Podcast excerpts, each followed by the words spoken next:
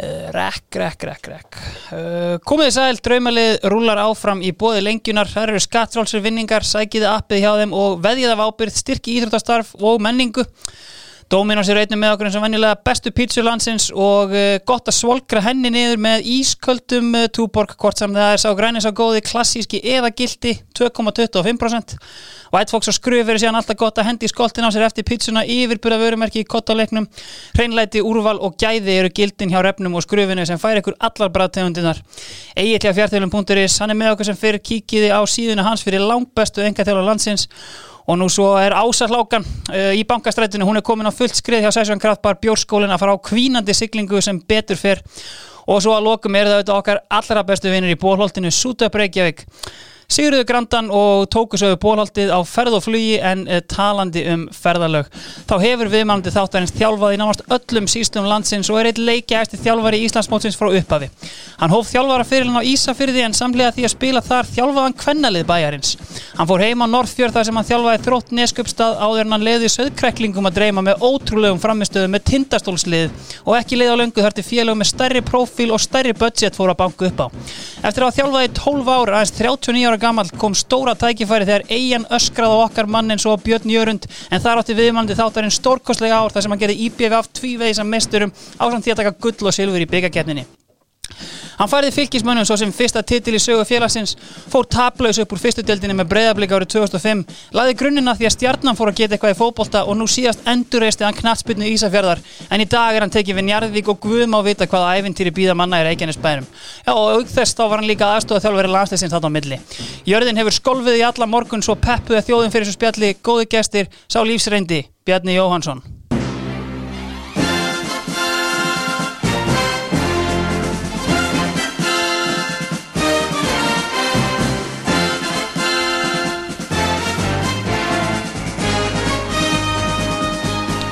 Blæsaði Bjarni. Á góðan daginn. Góð kynninga. Já, já, þetta var, þetta var, þetta var alveg í stíli skjáltan í morgun. Já, er það ekki? Ég menna, jörðin er búin að skjálfa hérna í alla morgun og, og við, eh, við látum það ekki á okkur fá og mætum bara hérna í, í stúdíóið. Sko, Bjarni, ég baði um að koma hérna og hérna fara yfir svona draumalið leikmanna sem hefur þjálfað, en við verðum alltaf að byrja þetta á bara knatsbyndumanninum og leikmanninum Bjarni Jó. Hvernig hérna þú ert samt mjög snemma komið með þess að þjálfara bakteri fyrir austan og farin að þjálfa yngirflokka og annað en þú veist, var, veist hvernig leikmaður varstu? Varstu góður? Já, ég, ég held að það var alveg þokkalegu leikmaður og, og hérna uh, Ólstan upp á malavellinum á Neskostad og, og við vorum bara með þræl gott lið á þessum tíma, við mm -hmm. vorum í næstastu dild og ég held að besti árangur lísins sé bara þriða sæti og Þetta, og þetta voru bara já, bara strákar úr, úr smíðum og, og fristum en, en við vorum ágættir í fútbolta sko. við vorum ekkert endilega svona þetta jaksla lið sem, sem oft hefur einkjent mörglið utan landi en að, að við vorum bara uh, þræl, þræl öflugir og, og, uh, og eftir, eftir hvað verið rétt rúmlega tvítur þegar ég á 22-23 ára þegar ég fór svo vestur á Ísafjörð sem mm -hmm. að þá voru þeir að gera garðin fræjón og voru með liðið eftir dild og, og, og fór þangaðin var því svo ógæslega óheppina meiðast illa og, og hérna þannig að að setti svona svipsin á það sem koma eftir. Algjörlega, þetta er einmitt sko tölum um þetta liðarna á, á Nesköpstað, þetta er náttúrulega Njátt Leðisson, mæntalega samferðamæðurinn hann og hérna sem síðan var Íslandsmeistari með val og síðan sá ég líka spilaði ekki með þeim mikla öðlingi uh, Sigurbergi Sigursteins. Sigurbergi Sigursteins, jú, jú, heldur betur. Og hann var einmitt þjálfari þarna þegar besti árangurinn kom og blessu sér minning hans. Mm -hmm. hann var algjör meistari og, og, og uh, hlifti algjör lífi svona enn meira lífi í okkur á, á, á, á þessum árum og, og, og hérna var mikið lífi fótballtanum ekki bara á neskustad þarna á þessum árum heldur austfjörunum almennt. Já, algjörlega og Sigurbergur auðvitað gerði sér garðin fræðan í vestunarskólanum hann sem hann uh, já, spýtti miklu lífi í knastbytuna þar það hérna, verður ekki tekið á hann og algjörlega blessuð sér hérna, minning hans. Sko ég hef kannski aðeins velt fyrir mig með svona austurlandi sem fótballtasvæði um, núna höfum við kannski ekki átt neitt sérstaklega kannski mikið af atvinnumönnum eða landslýsmönnum og, og árangurinn í deltakeppni er ekki til að rópa húra fyrir, kannski einhverja skýringar á þessu eða veist, er bara fókusin annar staðar eða hvernig, hvernig gengur þetta dæmi? Ég, ég veit, veit það nú ekki en það eru náttúrulega strákar sem að sem að náða ágæti sárangri og, Hjálmar Jónsson til dæmis frá Egilstöðun, hann á náttúrulega farsælum fyrir Lífar Ingemars og svo Eskifjörðabræðinni Stefán og, og, og Valur fann af, já, já einmitt. Þannig að þeir þeir eh, hérna en svo hefur kannski komið svolítið látið í þetta og og austverðinir hafa sitið svolítið eftir reyndar fenguðir uh, góða aðstöðu í, með fjárðarbæðhöllinni en uh, aðstæðan hefur alltaf verið arkilsa hætlarna fyrir austan. Og, um, og svo svona uh, hérna þessi saminningamál og annars líkt sko hafa sett svolítið svipsinn á þetta á undanföndum árum og, og um, svona og uh, svona hvað var að segja svona landsbyðavisinn landsbyðin hefur sitið svolítið eftir og, uh, og menn út á landi sem að e, eiga lið sem að er að reyna að djöblast að komast ofar. Þau eru háð því að, að við hefum oft talað um það það nennir engin eh, hérna uh, söðvestur hodna leikmaður að, að fara út á land þó að það hafi nú einn og einn gert en, en, en það, þetta er allt og mikið af erlendur leikmennu sem er að spila þarna og, og allt og mikið svona kannski power farið í það en, en þetta, þetta verð, verða bara menna að gera ef þeir geta þetta og, mm. og, og ná þannig árangri. En heldur einmitt, þú veist, að því að bara, þú veist, maður myndi halda, veist, nú er það búin að vera saminast eitthvað aðeins innbyrðis, þú veist, er eitthvað, þú veist, er eitthvað galið að henda bara í eitt lið? og þú veist þá einmitt ef það er erfitt að fá leikmenn þá ert allavega bara með nokkur budget komin hann að fá ágætis útlendinga hann í eitt lið kannski Já, það er svona það er auðvitað umræðum um það hann fyrir austan og, og, og fjardabið er nú samin, saminaði lið úr, frá neskustæski fyrir á reyðafyrði og fáskursýringarnir halda sínu. Mm -hmm. en en, en svo eru saminað höttur og, og Einmitt. Og, og hérna þannig að það er nú saminning sem að hefur átt sér stað. Já, já. en hvort sem það er nægjanlegt eða ekki að ég ætla ekki að fara að henda nefni bombu hérna á þetta vegna þess að öll þessi liði eru bara á fullum krafti og þarna eru metnaði fulli gæjar sem er að reyka þetta og og, og kannski leiknir fáskúsriði sem hefur staðið svolítið upp úr undanverðin ár. Algjörlega. Sko Session Kraftbar, þeir eru með okkur og þeir eru sulla hérna niður öllu, en þeir hafa verið að hérna, þeir hafa verið að leiða umræðina um, um svona menningu í kringum ábyrgja drikki og, og knatsbyrn og annað. Svona, veist, búin að vera að þjálfa í, í mörg ár og, veist, hvernig hefur verið svona, veist, ertu strángur í þessum efnum með svona fastmóta reglur? Eða til dæmis eins og ég fyrst að Willum hafa alltaf sagt í sína leikmannhópa ég er ekki pappikar sko, þið verður bara að mæta sómasamlega á æfingu hvernig er þetta fyrir þjálfara? Því að maður eru stundum heyrt líka að þetta sé einhvern veginn svona öðrísi heldur en til dæmis bara í atvinnumennsku einhvern veginn, bara svona strángari reglur og, og, og svoleiðis, hvernig svona horfur þetta við þér? Hefur Nei, ég, sko allar svona reglur í sambandi við, við, við áfengi og drikki og þetta allt saman það, það, það, það eru bara brotnar og skapað til þessu og um, sko maður verður auðvitað höfða til manna já, já. Og sérstaklega ef að menn fá pening fyrir að spila hérna í, atun, nei, hérna í áhamennskunna á Íslandi þá verða menna svona höfða til svona menn verða að vera ábyrgir en en það er náttúrulega ekki að vísa að rói því en, en, en ég veist vond að setja reglunum svona sko, sko, og ég segi það líka við, við menn í dag sko að þetta er ekki spurningu um það hvað þjálfarin segir eða þjálfarin gerir eða formaðurinn gretti sig sko bara hvað ætlað þú að gera til að komast aðeins ofar sko Einmitt. og ég held að þessi kynslu verði bara svara því sko og hún getur ekkert verið með símaninn á vellinum sko hún, hún, hún þeir, þeir verða bara að fara að taka svolítið lífstílinn sinn í, í, í gang og ég, af því að ég er nú framhaldsskóla kennari og mm -hmm. kenni á afreiksuðu upp í borgarhaldsskóla sko að þegar þú ert búin að kafa svolítið onni úlingin í dag þá, þá, þá er það þrengt sem hann hefur áhyggjur af til að ná ekki árangri. Það er fæðan hans já, það er svefnin hans og það er símanótt skilur já, já, Þannig að sko ef, ef, að- ef að mjög margir uh, ungir leikmenn laga svolítið til hjá sér að þá, þá ná þeir bara miklu betri árangri. Það, sko, þetta er ekki spurning um reglur, hvernig máttu nota síman eða ekki, hvernig áttu að hunskast í, í, í kóju eða eitthvað slíkt, sko. Þú, þú, þú verður bara að svara þessu sjálfur, sko. Mm.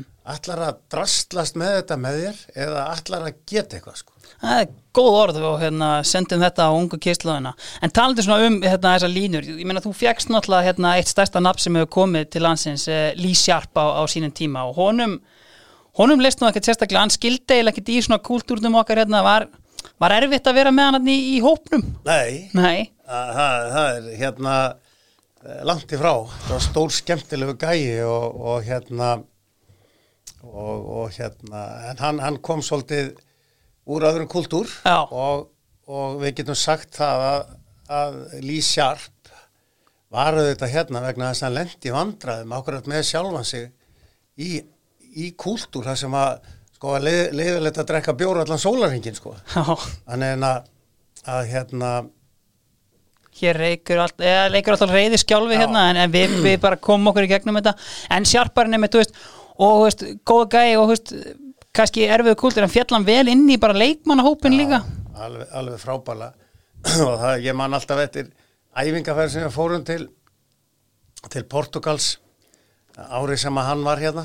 Já. og uh, hann kom kom vel fyrir mót en, en var ekkit í sérstöku standi þannig en að fór svolítið mikil tími á hann, hjá honum að, að koma sér í stand og svo framvegis en, en ég man eftir í þessari ferð sko, þá sat hann kannski með hópin og Og, og við sem að náttúrulega vorum kringu liði sem heldum Manchester United við náttúrulega bara hlustuðum á þessu sögur og þetta var alveg geggja að hérna sko, ég veit ekki hvað hann sagði margar sögur af, af, af Robson og, og Pallister og, og Steve Bruce sko, ég veit ekki þetta, þetta bjórin sem þeir hafi nú drukkið í gegnum lífi sig ólöfubíla förmum. Sko. Nei, einmitt. Herðu, en hérna ef við förum þá bara í hérna draumalið. Uh, eins og ég komin á hann, ert búin að vera hérna ert búin að þjálfa í, minna þetta er ykkur fjórir áratugir uh, uh, stelpur á Ísafyrði, þróttur neskjöfstæður tindastóll, grindaðeg tvísvar fram, fylgir tvísvar, blikar tvísvar íbjöf tvísvar, káa og, og vestri. Þú veist, ég menna það var erfitt þegar ég hendi á þig að stilla upp þessu liði. Já, það er mjög erfitt. Að ég hef náttúrulega þjálfað ég held að ég hafi þjálfað eða sem sagt þetta sé tíunda liði sem að ég, í Njarvík núna sem að Já. ég fer á þjálfa. Og þetta er náttúrulega gríðarlega mikið af leikmönnum og, og það sem að maður er auðvitað heppi með svolítið að, að hafa þjálfað mjög marga stráka sem hafa bara gert það mjög gott sem atvinnumenn og geta haft þetta að vinnu sinni mm. og líka það sko að, að minn bakgrunnur er bara, ég er bara leikmaður með þrótti neskostað sko og og, um, og sem sagt ég sá það kannski fljótlega að, að, að, að hérna að ég sem sagt eða fílaði það þannig að, að ég væri ekki, ég myndi ekki halda áfram sem leikmaður mikið meira en, en kannski 27 ára gamall og, og ha- hafði óbílandi dellu fyrir að vera þjálfari og byrjaði mjög snemma að þjálfa sko. Að þannig að ég er náttúrulega búin að þjálfa alveg gommu að leikmennum og mjög skemmtilegum og, og öllu slíku og þetta var þetta mjög erfitt klálega. algjörlega En, en það sem að ég svona setti svona þegar ég hugsaði þetta þá var þetta, þetta þannig að, að hérna þetta var kannski leikmenn sem að ég hafi verið mikið með og, held mig bara við Íslendingana. já, já, Ég geti alveg valið lið ellendra leikmanna. Ég geti örgla bara valið lið sem væri bara frá Serbíu. Nei, nákvæmlega. En ef við byrjum bara hérna á liðinu, sko, markmannstafan, hún er í bóði Túborg, opinber bjór markmanna og þjóðarinnar 2,25% fáir drikkir sem að renna jafn ljúft niður á tímum sem þessum og öllum tímum. Menn eru strax farin að leggja drauna Túborg tjaldinu fræga uh, í eigum, uh, það verður ekstra Túborglegt í ár. Bjarni, voru margi markmenn sem kom til greina hér? Já, já, já, það, það, þeir voru nokkrir, mm. en það var svona aðalega tveir sem að, sem að svona, uh, in the end, uh, uh, þurfti að velja á milli og, mm. og, og það voru Þorstein Bjarnason og, og Birgir Kristinsson og Birgir, hann fær, þann heiður að vera í markinu hjá mér. Já. Þið þetta spilið líka saman hérna í Káa, er það ekki? Já, sko ekki nóg með það, við byggum saman. við, við vorum aðkomin að Akkurir 84 Já. og um, og hérna þannig að við vorum settið saman í íbúð þannig mm. að við byggum hérna í, saman í fjóra-fimm mánuði sko. Já. Já, já, og svo lág leið okkar aftur saman í fram mm -hmm. og uh, síðan í Vestmanni og svo uh, þegar að ég er aðstofamæður hjá landsliðinu þá er Birkir Markmannsjálfari og, og hérna þannig að leiðir okkar af hann og leiði svona líka í, í saman í gegnum lífið en það er nú ekki ástæðan fyrir því að hann er í markin sem heldur, heldur bara, bara frábæð ferill og, og, og óstjórnlegur ægi við æfingar. Mm -hmm. og hérna fílaði hann vel. En þetta er einmitt svona, veist, kannski gæi sem að er uh, óheppin með það að, þú veist, á þessum veist, ekki mikið í atvinnumönsku náttúrulega, en þá komum við nýra því að hann er að spila mest allan sinn tíma þar sem eru þryggja útlendingaregla og annað, en þú veist, gæði sem hefði klálega, þú veist, í hvað ég var að segja, auðveldar að laga umhverfi geta léttilega komist að Erlendis. Já Samála því Að, að hver? Birkir Já, já. ja, Birkir fór náttúrulega til brann og sín Já, já og, og átti þar mjög eftirminnilega leiki, sérstaklega manni þetta er einum Evrópuleik sem hann átti sem var bara ævintiralegur og um, en eins og ég segi sko, hann, hann, hann ákvarða þarna 84 brotnaðan mjög illa -hmm. og sem að frækt er og um, en uh, Elju sem er hann sko, sko einhver hefði hægt í fókbólta eftir þetta sko en, en en uh, hann, hann var ótrúlur Algjörlega, myndist á Þorstein Bjarnason uh, með hann í Grindavík og ekki nóg með að hafa verið með hann hana, fyrst í Grindavík, heldur notaði hann líka 46 ára þarna 2003 eða 4 hvað hérna já, sen, sennilega já, 2003 hvernig hérna en, voru ennþá töfrar í hönskunum hann þegar hann var hann 46 ára já, já, hann, sko hann er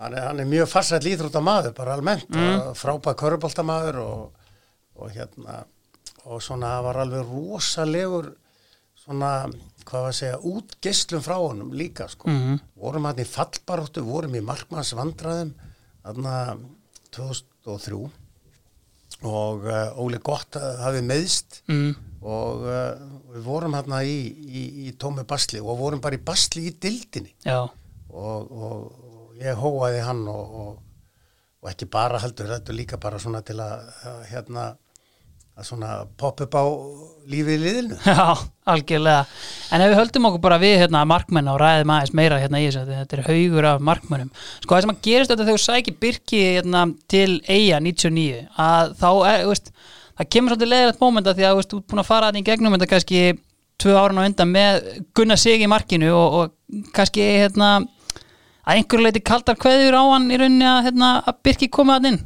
Já, já, sko, það, þetta var búið að vera uh, í umræðinu hérna 98 eitthvað, eitthvað pínulítið sko mm. en, en síðan fyrir tímabilið 99 að þá, að þá er þessi ákvörðun tekin og, og ég tók hann sem ekki deitt sjálfur nei, nei. En, en, en eh, málinn voru bara einfallega þannig á þessum tíma að, að, að mennum þótti þetta farsalust Já, og þú veist Gunnar var auðvitað mjög svona vókal í hérna, fjölmiðlum og annað, var náttúrulega ekki sáttu við þetta, veist, náðu ekkert í hann að grafa stríðsöksina? Já, já, já, já, við, við Gunni hefum, og Gunni hefur verið, við hefum verið að, að þjálfa lítilega saman upp í borgáldskóla á þessari afriðslínu, þannig mm. að, já, já, það, auðvitað sítur auðvitað svona eftir og ég skil Gunnar vel og allt, allt það, sko, en, en, en nei, nei, við, við hilsumst og og brósum sko. Já, algjörlega, og síðan kannski að lokum í markmannsmálunum, hérna náttúrulega eigandi húsnæði sem við erum í, Hjörvar Hafleðarsson með hann hérna í, í blikunum. Uh, maður kannski sem að hættir snemma vegna meðsla og annað, en þú færði hann hérna fyrir tímabilið 2005 uh, hvað er svona rangur hann sem markmann á þínum felli? Já, ég, hann, hann er bara einn af þessum einn af, topp 5 alveg, alveg klálega og, og hérna innkoma hans aðna, í þetta blíkalið á sínum tíma leftið þetta bara nýju lífi í þetta og, og, og, og ég vil meina það sko að, að þessi ár hann hefur blíkunum þegar við förum upp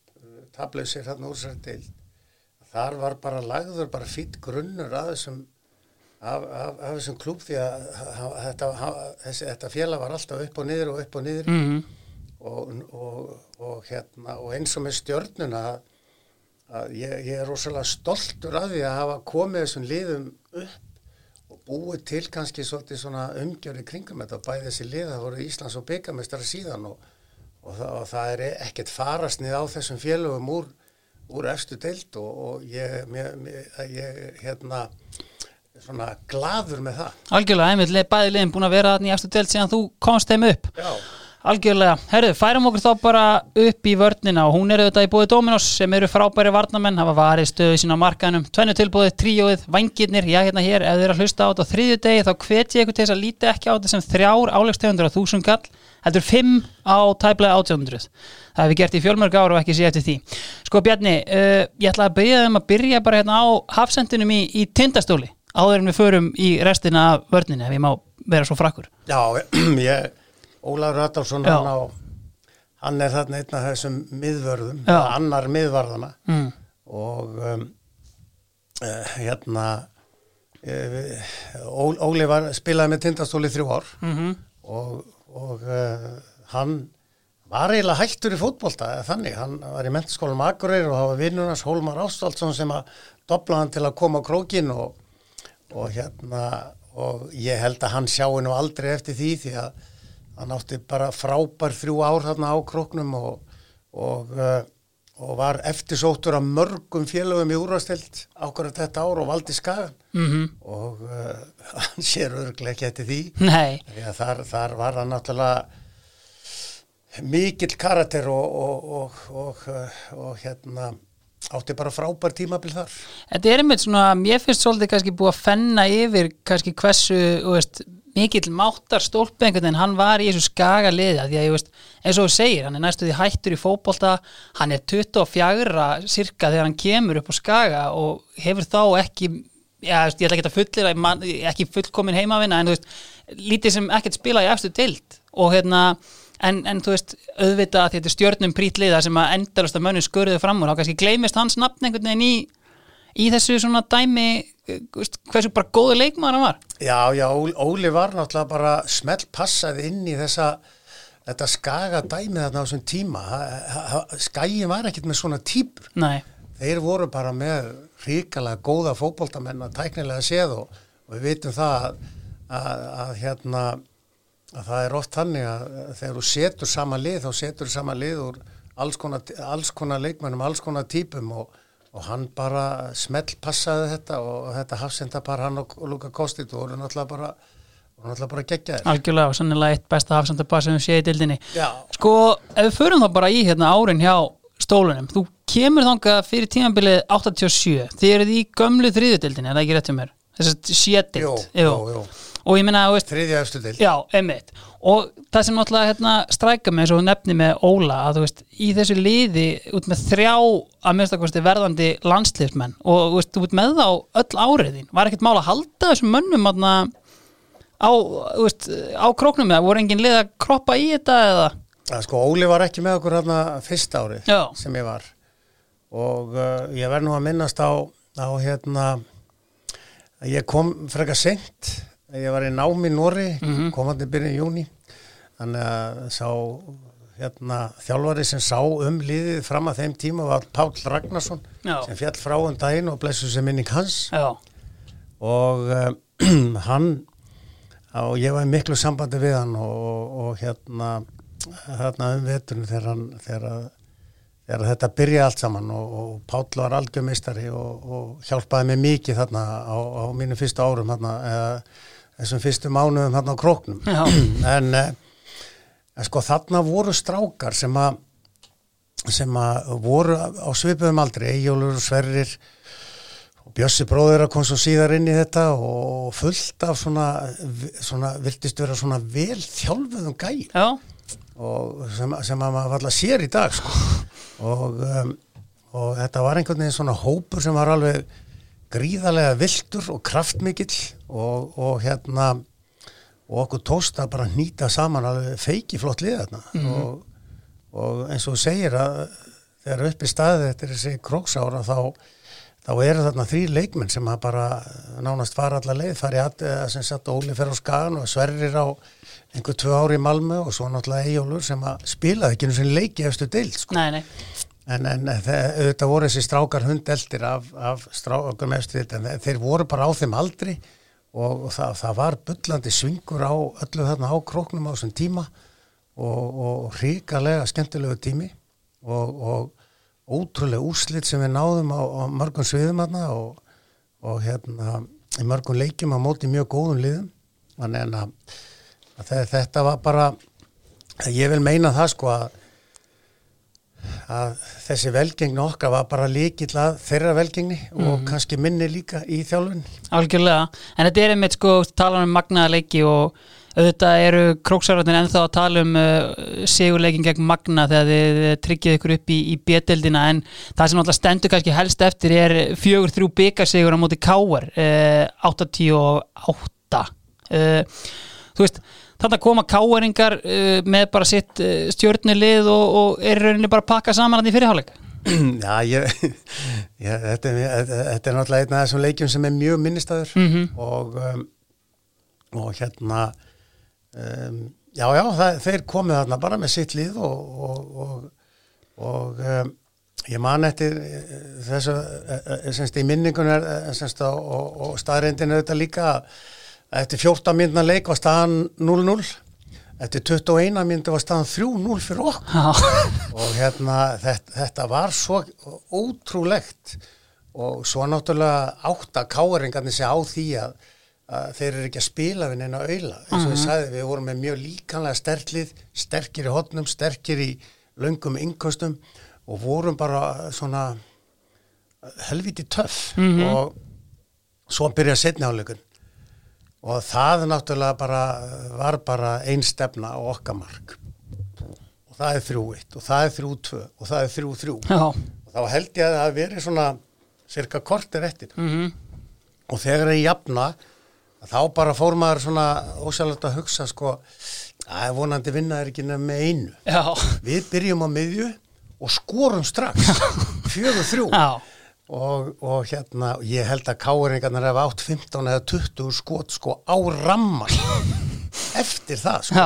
en, en Gísli Sigursson hinn magnaði markmaður á þessum árum hann stóð heldur betur vaktina og, og, og átti alveg magnaðan leik. En það er eitt atvökk líka sem að, sem að ég hef oft hugsað og ég held þetta hlýtur að vera til á, á spólu, það var það að við vorum náttúrulega algjörlega orðnir sko bensínlausum mjög fljóðlega í setnihálig og, og, og Óli Atta uh, hérna umrættu leikmaður. Hann, hann, hann var svo gjörsalega búinn að hann fekk sko krampa í báðakálfa og bæði læri og var stuttur að tveimur eh, hérna, mönnum út af vellinum og það var stórfengli sjón skal ég segja. Nei, nákvæmlega, og ég menna síðan árið eftir þá sko koma káeringar aftur upp á hérna, upp á, á söðakrók og ég menna þá hefur maður haldið að vera að læra eitthvað aðeins að reynslunni, þá mæta þær með sko, þá mæta þær líka með bara Pétur Péturs í framlínunni. En það er bara sama saga, það er bara hérna, káur komast yfir tindastólsmenn komast síðan yfir og, og síðan bara veist, í framlenging og, og síðan svekkjandi tap í vító. Já, já, það var miklu meiri svona jafnleikur og, og hérna og bara alveg hörkuleikur hann gæti bara enda hverju með sem var sko. og hérna en, en í þeim leik þá náum við fórustu í framleikingunni Já. og þá held ég að við myndum taka þetta Já. aftur. Þá var, var það á tilfinningin að við myndum taka þetta aftur. Mm. En Pétur reyndist okkur erfiður hérna og, og, og jafnaði leikin og og þeir unnu svo í vító að þetta var þessi káeræfindir voru bara ótrúleg sko. Algjörlega og enn talaðum það upp á krók Herru, uh, hver er með Óla í, í hafsendunum þá? Herru, það er Línur Stefáns uh, Línur fyrirlið í BVF á þessum árum okkar hérna í eigum og, og alveg ríkalega flottur leittói og hann, hann, hann tekur þessa stöðu lettilega. Algjörlega, sko tekur við eigamönnum fyrir tímabilið 97 og sko það er þessi spennandi kynslu þarna í eigum 74, 75 og 76 uh, byrjar að taka fögnin og fór í byggarústættarleikin 96 og annað og svona, veist, þetta er kannski rauninni breykiðitt, er það ekki sangjand að segja það? Jó, þetta er stóra breyki, sko, mm. alveg klálega og, og ég, ég, ég held að ég sé svolítið heppin að hafa dóttið þarna inn í þetta. Ég var ekkert að þjálfa 96 Nei. og, og dett svona inn í þetta og, og svolítið óvænt.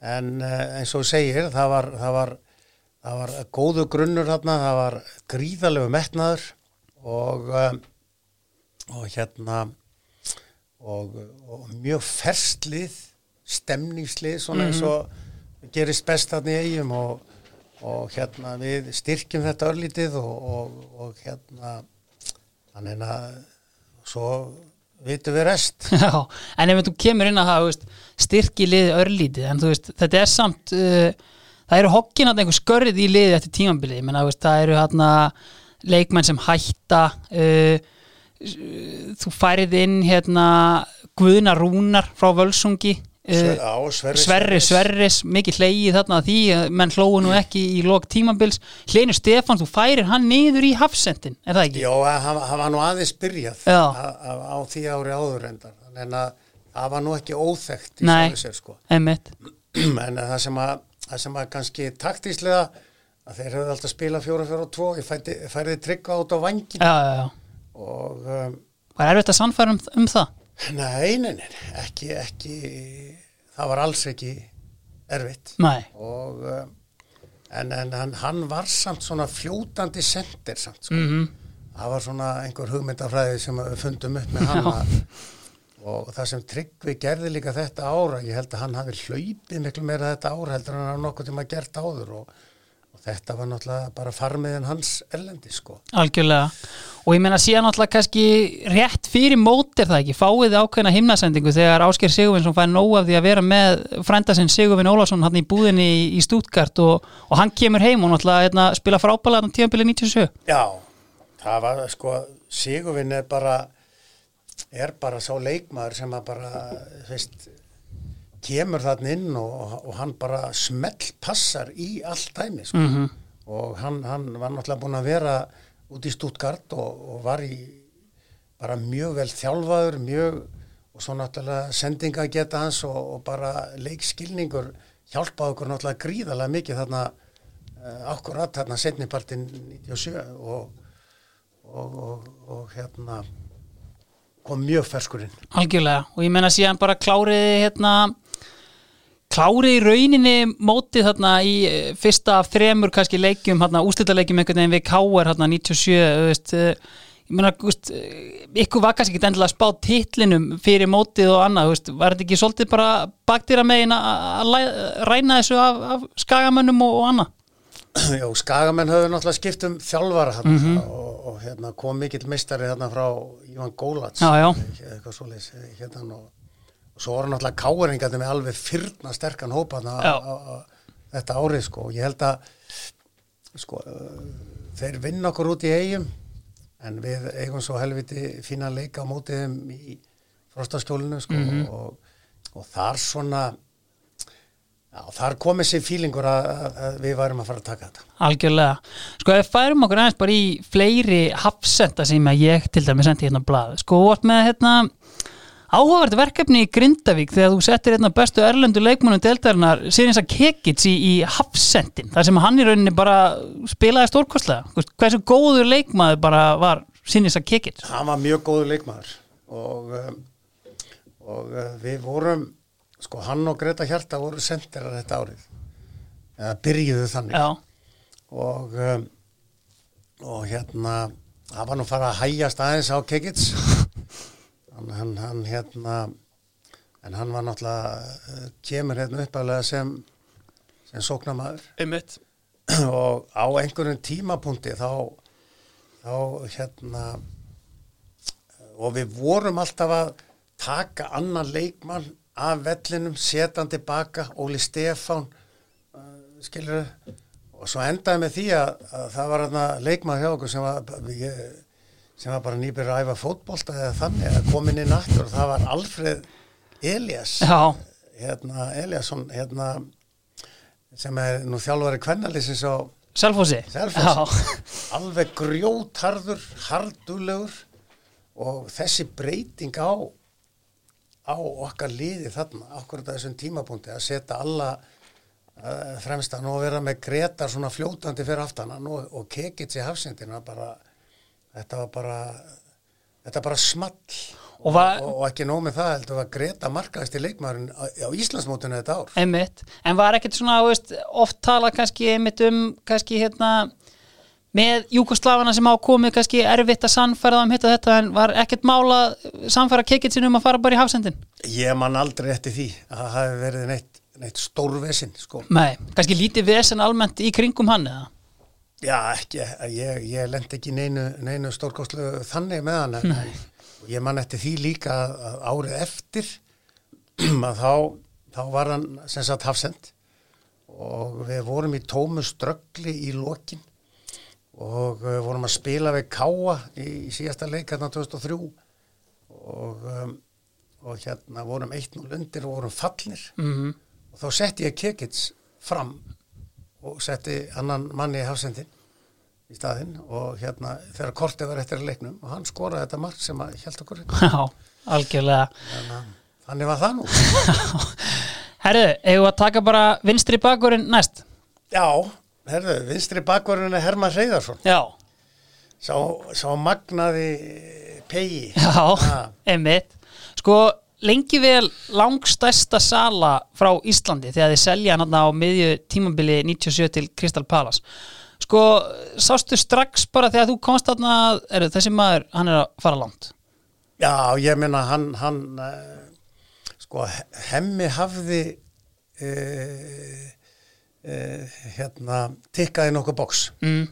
og uh, það, sem, það sem á þessum árum var hann náttúrulega viltar en það viltast að vilta sko, sem maður segir sko. Já, og, og, en mér finnst nú að vera að róast aðeins núna. Sammála því.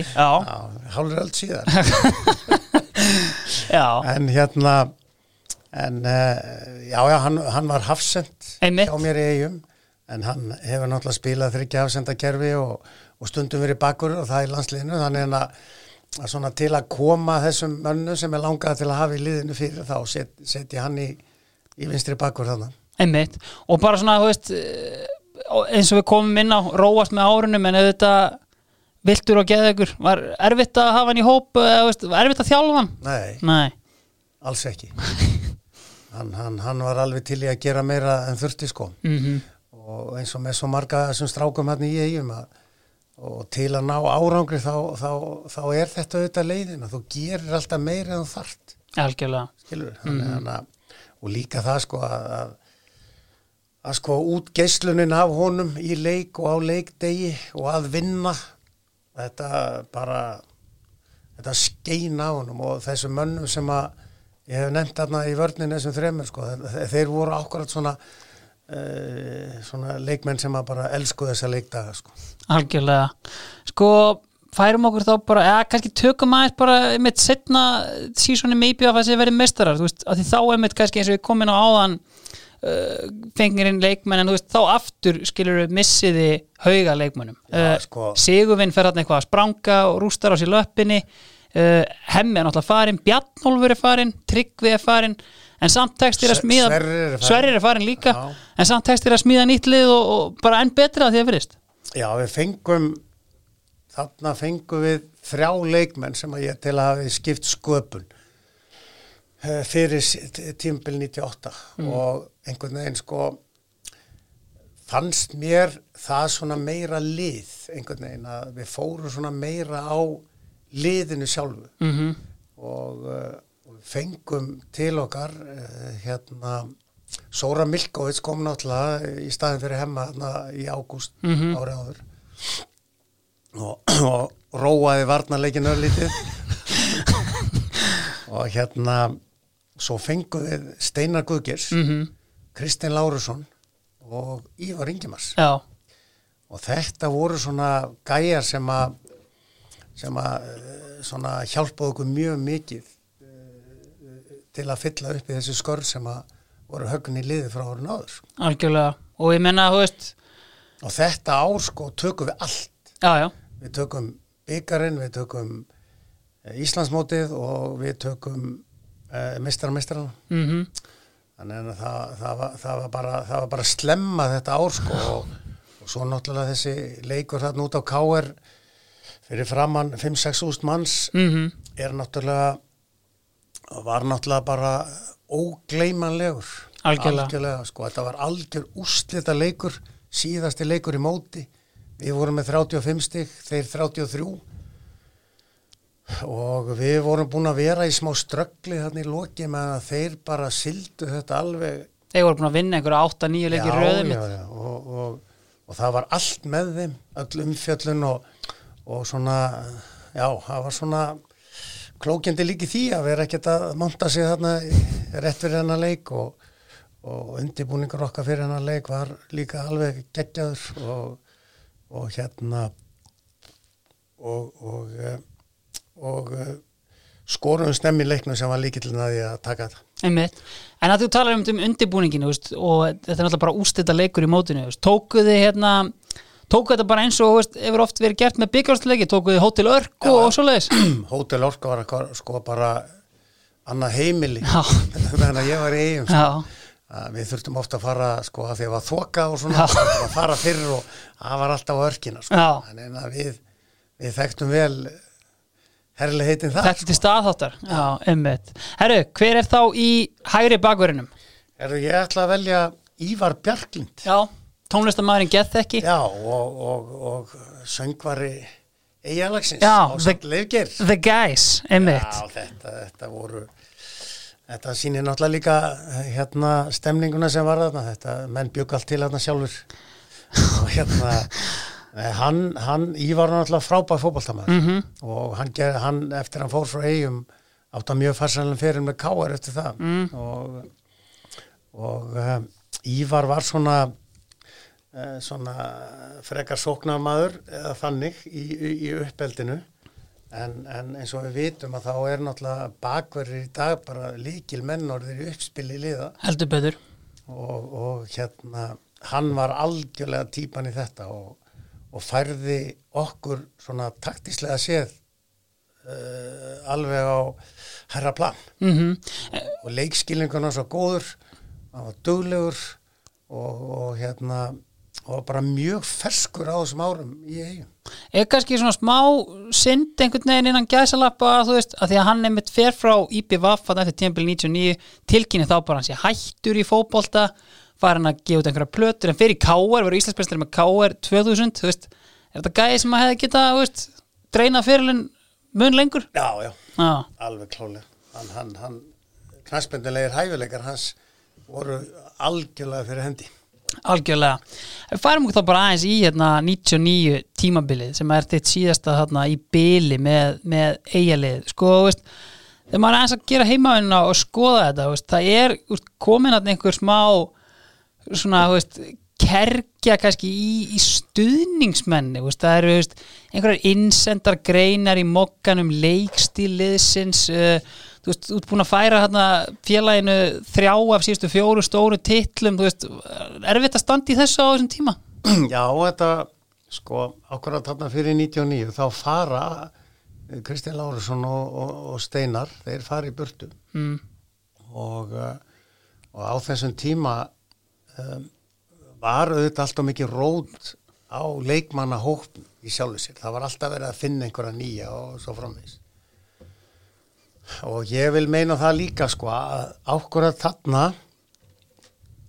uh, á þessu, auðvitað, voru við búin að mista 97, 98, 99 uh, tímabilið það, það svona uh, væntingarnar eru auðvitað miklar en, en breytingarnar tölu verðar sko og um, og, uh, og svo náttúrulega þegar liðið kannski stendur ekki alveg undir væntingum að þá náttúrulega koma auðvitað svona og svona, svona rattir og á, á, ákvörðat á þessum tíma sko þá var að byrja þetta tölvudót og þú kannst sendt svona inn alls konar komment á, á einhverja heimasíðu sem var galopin öllum sko.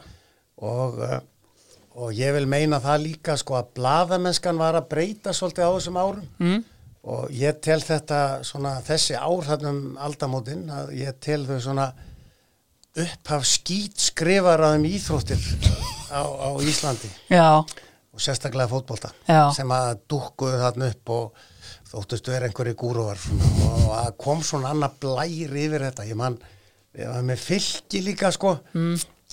þá hérna það, það var bara tóm glória með fylki fyrsta ári sem var með þeim og, og þá var einmitt þessi hérna, heimasíða opin og allir gáttu verið. Og það var alveg sama hvaða frábæra árangrum við náðum þarna í þessi tvö ára, það var einhver djöfull sem að skrifaði alltaf hvað ég var í ómölugur og sem, sem síðar kom, kom sjó, sem kom í ljós og hver var og, og hérna hann er ennþá starfandi sá drengur í, í í fórustu íþróttafélagi hérna í Íslandi í dag sko. Þetta, þetta, er svo, þetta er svo gali sko. Já, en einmitt, þú veist, eftir tímabilið veist, voru þið sammálum að það væri komið gott aðna í eigum, eða þú veist varst bara átum fara? Já, ég fekk allavega ekki endun í henn á samning. Nei, voru það ekki kaldar kveður eða? Ég veit ekki, það, var, það voru hérna ákveðin tókstreita og um, en, en ekkert til að svona að vera væli yfir þannig en, en, en, en hérna en uh, ég held að sé nú ekki margi þjálfara sem að sem að hafa tekið tvo titla, eitt byggartitil og eitt úslítalegi byggar og svo annarsæti í dildinni að hérna og ekki fengið endun í hann á, á samningnum sko en, en það, það andrúrlótti var bara þannig að ég held að þetta hafi verið gott já. Heldur að það hafi verið, þú veist, mikið til þessum skýtskrifum að kenna, veist, stjórnamenn kannski aðeins og mikið að hlusta eða eitthvað svo leiðis? Já, hugsanlega sko, hugsanlega og, og hérna að, að en, en IBF átti fín árætti þetta og, og, og voru bara í, bara í mjög góðu málu mjög, mjög, mjög lengi eftir þetta. Að ég, það getur vel verið, það má vel vera en, en, en allavega þá, þá hérna uh, átti ég bara frábær þrjú ár hérna og, og minningin er þannig. Algjörlega. Sko, þetta kannski huga annar hægri bakur. Varst ekki alltaf með Ólaf Inga Skúlason í bakurinnum hjá þér hérna í, í fylki? Já, Ólafur sko, Óli var náttúrulega bara uh, kottnungur þegar mm. ég kem þangað og uh, hann, hann og uh, við vorum í vandraði með að manna öftustu línu og enda með því að ég setti Þórald Dan sem var kantmaður Já. í hafsendin og hann átti alveg sko frábær ár sem meðverður ja, Úr var bara einmitt, með betri hafsendum í dildinni já, já, já, alveg klálega það er með mjög minnistætt mm -hmm. og síðan var Óli, hann var náttúrulega umræðinu sem einn nefnilegast í leikmaður landsins og, mm -hmm. og fer í kjöldfæri til Arsenal mm -hmm. og, og hérna og að með minnir að, að sko, hann var hægri bakur í okkur mhm. og hann kom náttúrulega þetta vel til greina en ég, ég var náttúrulega með Ívar í þrjú ár og já, já. hann kannski eitt en, mm. en hann, en hann ég, með, með minni var hann bara kjöri nefnilegast í leikmaður tímabilsins. Það geti alveg mjög vel verið sko. Og í kjölfarið sko, svo var, fór hann og þá kom Helgi Valur tilbaka já.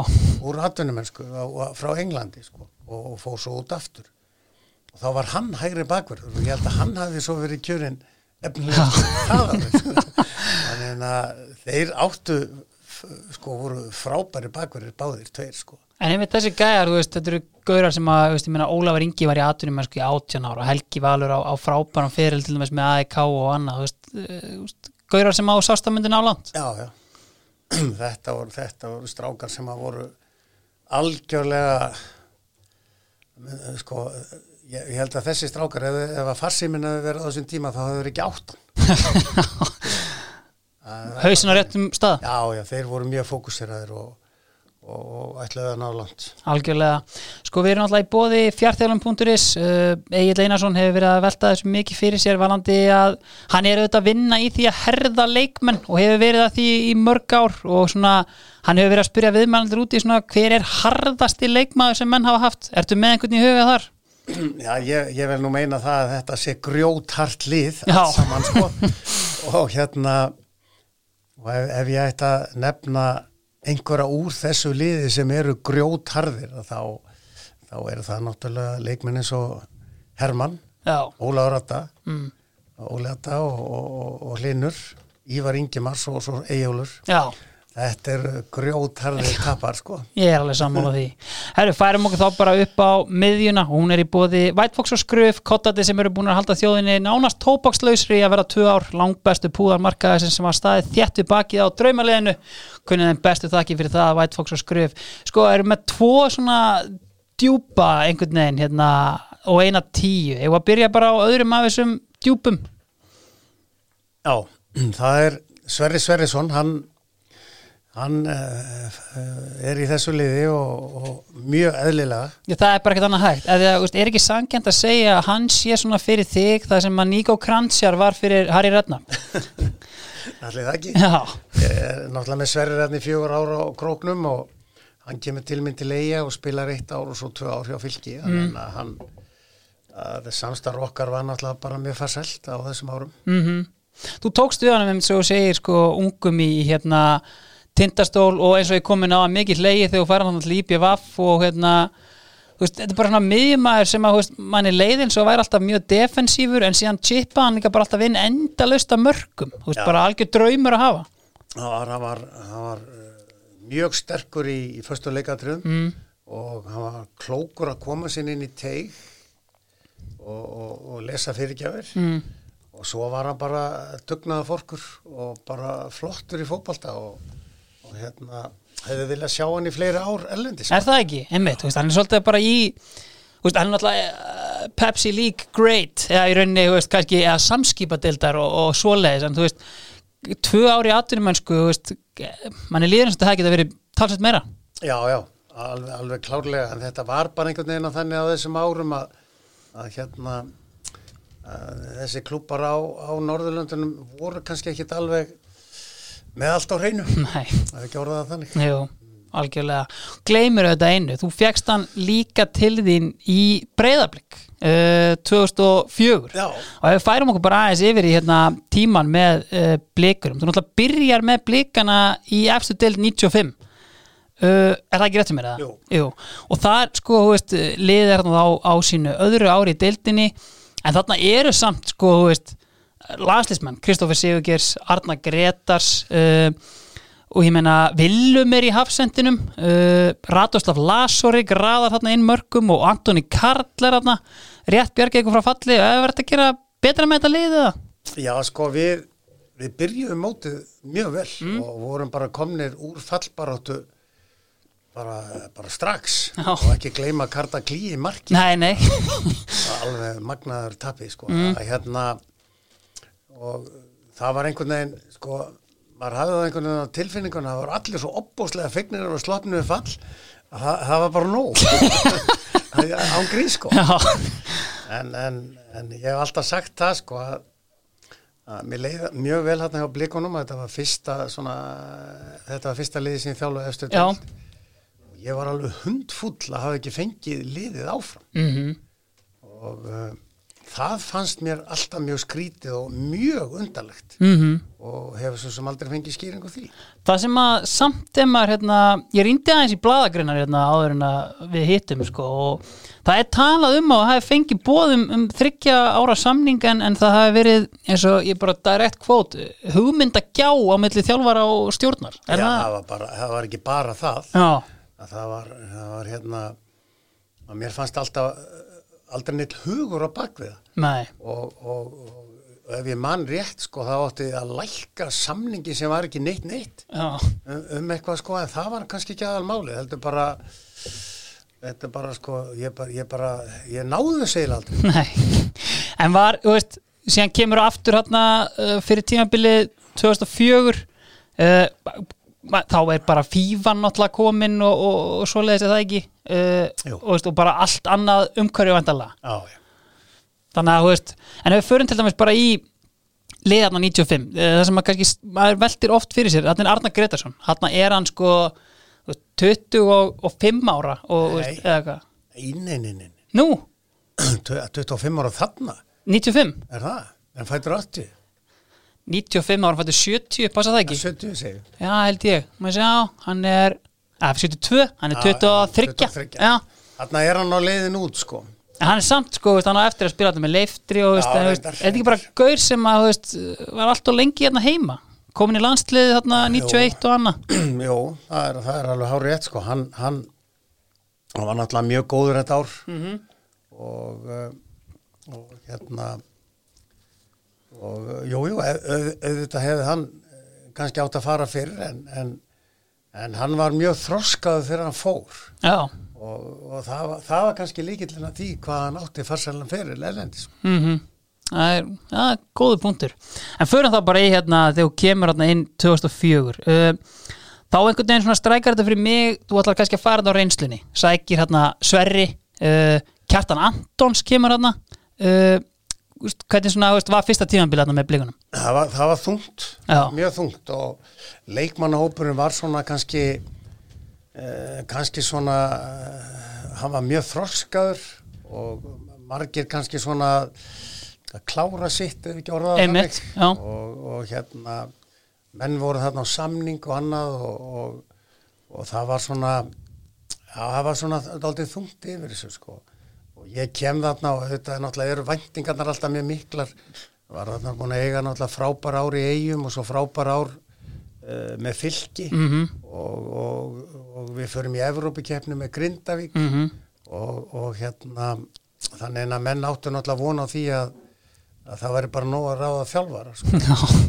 En þetta þurfti náttúrulega aðeins að að uh, taka til í allir umgjörði í, í kringum klúpin og ég hef nú sagt það líka sko að, að svona það var allt á svo miklu svingi. Mm. þarna í kringum 2004, 5, 6, 7, 8 og 9 og náttúrulega hrun árið mikla það kemur og þetta er svona í kjölfarið á þeim. Mm, og, og hérna það var svo mikið að gera í öllu og ég man eftir því, ég var þarna í þrjú ár eða tæp þrjú ár með blikana. Og það voru sjö framkvæmdastjórur í liðinu? Nei, Nei, já, í félaginu Já, já, sem sagt á meðan við vorum þetta og það, það var allt svo allt á fullu og, og, og hérna og, og þetta var svolítið óstabílt en, en sem betur fyrir hefur það tekist að, að laga það. En eins og þú segir, þroskalið 2004 uh, 2005 þá náttúrulega veist, ertu bara komin í og þetta er ungt og fest lið sem þeir eru með þarna. Og, og þetta Hjörvar komin í markið og, og þetta eru þessi strákar sem að hérna, þjóðin hefur kallað players kynnslóðin, þarna strákar fættir 80 til 80 og jafnvel 7 í Guðmanni Þóris til dæmis sem þú hendur hann í hafsendin og veist, þetta er skemmtilegt lið að þjálfa. Já, þetta var mjög skemmtilegt lið og, og þarna sko hefnaðist eiginlega fullkomlega að gefa ungum drengjum sens mm. og vera með örfáa svona svona nagla eins og maður segir. Já. Mm. við vorum með Hjörvar í markinu og svo vorum við með hérna, færiska landsleishafsendin Hans Fróða Hansen. Já, já, og um, svo fengum við uh, gæja hérna frá Tjekklandi Petr Potsemski alveg grjótharðan og, flottan djúpan miðumann mm Mhm. og, og hérna þannig að þetta var þetta svo náttúrulega bara blómstur þessi strákar, svo Ragnar Gunnars og, og Gunnar Örn Steinþór Bi- Birgir uh, Arnur Aðalsteins var þarna líka og Guðmann eins og segir Mm. og hérna og þannig að þetta, þetta var þetta var bara alveg ótrúlegt ár og að farið í gegnum uh, hérna þessa deild uh, taplausir var bara var bara alveg ótrúlegt sko. Væntalega eitthvað sem enginn sá fyrir, fyrir tímabilið, þú veist, ég meina því ykkur er valla spáð upp, kannski Nei, nei. fyrir tímabilið. Nei. Þannig að einmitt, en síðan kannski kemur hérna árið eftir komnir í efstu deild uh, sækju þetta Marel Baldvinsson uh, leikmaður sem að virtist vera bara með heiminn fyrir framann sig hérna á yngri árum geðveik ára einhvern veginn í kringum hann er á træjel hjá Manchester United mikil meðsli, naut kannski ekki alveg sammæli sjá Óskari Hrafni á DFF með landsliðin og annað, en þú veist, hvernig var að þjálfa hann? mjög, mjög gott Já. og ekki nóg með það heldur kemur hann líka í, í stjörnuna og kom kannski að því á eftir Mhm. að það er til dæmis alveg stórkoslega saga um hann sem ég get sagt er og hérna hann var bara hann, hann bara var alveg ótrúlega sigur mm -hmm. og alveg ótrúlega vilja sterkur og átti var ekki hill en, en, en sætti sér ekki við að að gefa fyrirlinu upp á bátinn og átti bara flott ár hérna. Já, sko, einhver 11 mörkarna fyrir blikana 2006 en sko, veist, síðan er mitt hættir hérna á miður tímambili 2006 eh, þá er þetta eins og fræktir orðið eh, Kristján Óli Sigursson er hægt að koma með eitthvað vesen og hérna var komið þreita í, í samstærið millir Bjarnar og, og leikmanna? Ég held að ég hef nú ekki, það hefur nú ekki verið mikið þreita í sambandi við uh, leikmenn, ég held Nei. að það hefur verið fyrst og fremst þreita svona í sambandi við umgjörðina og eins og ég segi þarna voru einhverjir búin að vera sjö frangandastjórar og svona ymsi hluti sem gengur ekki og, mm. og, og leikmenn sem að við hugsanlega áttum að fá kom ekki og það var hægt við hitt og þetta og svo framvegs mm -hmm. og við vorum reynda búin að semja Varna Greta sem hann kæmi aftur með sumri og um, svo spilaði náttúrulega líka þarna inn í að, að ég var orðin aðstofþjálfur á landslinn mm -hmm. og uh, kannski var þetta bara líka þreita í mér Já. og uh, ég sá fram að þetta er erfitt og, og var búin að vinna þarna bara fínt verk og eins og, eins og við vitum að, að þegar að frangandastjóri virkur kannski er ekki gangi alltaf verið að skipta þá lendir alltaf meira á þjálfvaranum og svo framvegi sko. mm -hmm. þannig að návíi manna er mjög mikið líka sko. mm -hmm. þannig að einhvern veginn bara einhvern veginn fekk ég bara Já, en ef við förum þá einmitt bara aðeins östut í kannski já, mannin sem mætir hérna í þetta stúdíu uh, marga daga vikuna Kristján Óla Sigursson sem að hérna veist, eh, orðin svona hérna, eftirlæti þjóðarinnar í hérna í þessari pöndit mennsku hérna í Íslandi veist, þú getur náttúrulega ekki logið í að mér að það hefur auðvelt að þjálfa hann. Nei það er, það er alveg horrið eftir Kristján, Kristján er fýtt gægi sko. Já. það er ekki það. En þegar hann er pyrraður er hann handónitur og hérna bæðin á velli og örugla utan hans líka sko. og hérna en ég kunni alltaf vel við hann og, og auðvitað uh, hérna var þetta þannig að, að ungu strákarnir voru náttúrulega varnir að banka alltaf hressilega á þetta mm -hmm. og voru kannski farin að í tónu svona aðeins til hlýðar en, en, en, en við vitum alveg hvernig hugafar hann er með og sem að reyndist okkur líka mjög gott mm -hmm. þegar við mhm. fórum upp Já. og þá leka hann á allsótti og og var þá náttúrulega bara fast að mér í liðinu en svo, svona þegar Hallunda fætti þá eins og ég segi þegar hann var pyrraður og, og, og þá var hann ekkit sérstakur. Einmitt, en þú veist þessi gæjar hann að því þarna veist, þetta er mjög góður árgangur hann til dæmis veist, Steinþór uh, Gunnar Örn, þú veist, sástu fyrir þetta til dæmis að þessi gæjar myndu ná sambarlegu mánangri og síðan kannski kynnslóðan á eftir í blikum gerði? Alfreð Gummi Kristjáns og, og hérna, Kitty Steindors, Kitty Jóns og aðrir. Að þú veist, þetta eru svo sem allt menn sem eiga fína ferla en þú veist, kannski ekki á pari við sem að koma á eftir ef þú skilur hvað ég menna Já, ég, auðvitað sá ég það alveg þeir gætu, en það var á þessum tíma þá, þá breyttist svolítið umhverfi líka uh, gagvart ellendur liðum, það fórum miklu flyr ellendis mm -hmm og svona, svona kannski í kjölfari sko. mm -hmm.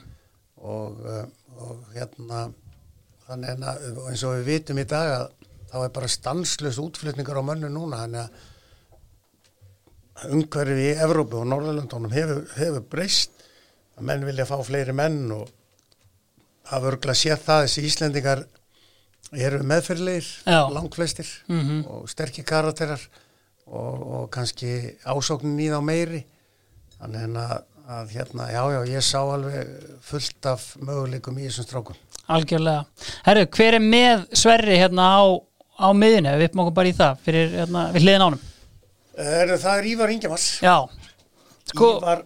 Ívar er náttúrulega fyrst og fremst miðjumadur þegar hann er hjá mér og þess vegna setja hann þannig inn á miðjuna og, og sem að síðan kom svo að hann, hann spilaði megin hlutatíma nei, aðtöðunarskusina sem, sem miðvörður en, en Ívar var rosalega flottur íþróttamæður á þessum tíma og hann var svo fókuseraður á það að komast ellendis og hann vildi meina það að hann, hann sagði það bara við mig að, að, að fara á val á þessum tíma og hljóminu ekki vel í dag að þá var það bara þetta geggja stökk fyrir að nýja atvinnum sko. mm -hmm.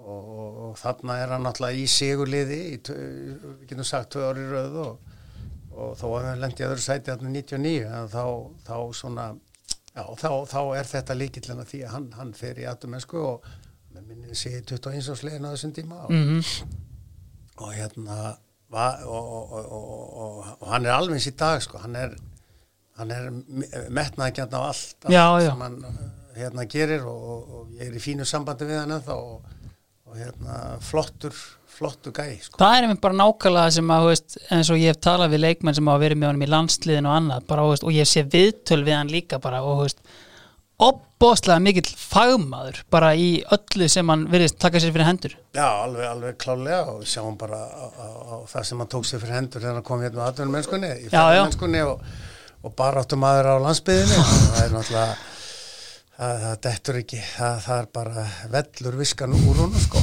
En sástu fyrir þér, að hann geti átt hérna, fyrir, fyrir sér sem hafsend einmitt, veist, að því að hann einmitt í val líka er á miðinu og annað, en veist, heldur þetta að kannski verið svolítið planað hjá honum, einhvern veginn að vera auðveldar að fara út sem hafsend? Já, ég, já, já, já hann, hann, hann hafði alla burði til að, að vera góður hafsend sko og, og þó, þó ég þykist nú að vita, hann, hann vildi alltaf vera miðjumæður En svo þegar það var náttúrulega komin inn að stóra heima og ætlar að gera þetta aðtunniðinni þá náttúrulega bara þá náttúrulega ertu ekki að pæli því hvort þú ert bakverður eða, eða þess vegna markmaður. nákvæmlega. Sko, ef mér langar aðeins til að ræða við hérna, uh, eftir tindastól, þá ferðu til Grindavíkur, eða ekki rétt sem er, í tvö tímabil þar. Svona svekkjandi ár þar sem þið eru uh, í þriðja sæti held ég orði röð, getur það ekki verið, Já. í bjötildinni. Já, Kannski, hérna, leiðilegt að ná ekki að fara upp með lið? Já það, sko, þegar ég tek við liðinu er, er þetta lið bara eiginlega ný komið upp úr dild fyrir neðan. Einmitt, já. og, uh, og það var, það, eins og ég segi sko, það var, það var rosa gaman að vera þarna og við fengum, eins og ég segi, Þorstein Bjarnason, Ómar Torfason, Einar Áspjarnarn og Keflavík sem var mjög traustu leikmaður á þeim tíma og, og uh, svona ferskir strákar og Grindavík og, og hérna að þetta, þetta var þetta var náttúrulega alveg stórkosli stjórn og, og umgjör í kringum liði sem að enginn er það náttúrulega ennþann, dag í dag. Mm og uppbyggingi sem hefur átt sér stað þarna er náttúrulega alveg frábær. En, en já þetta var það var sérstaklega annað árið sko. Ég minnir að skæin hafi farið þarna upp. Mm 91. 91 og við unnum þá í báðum Já.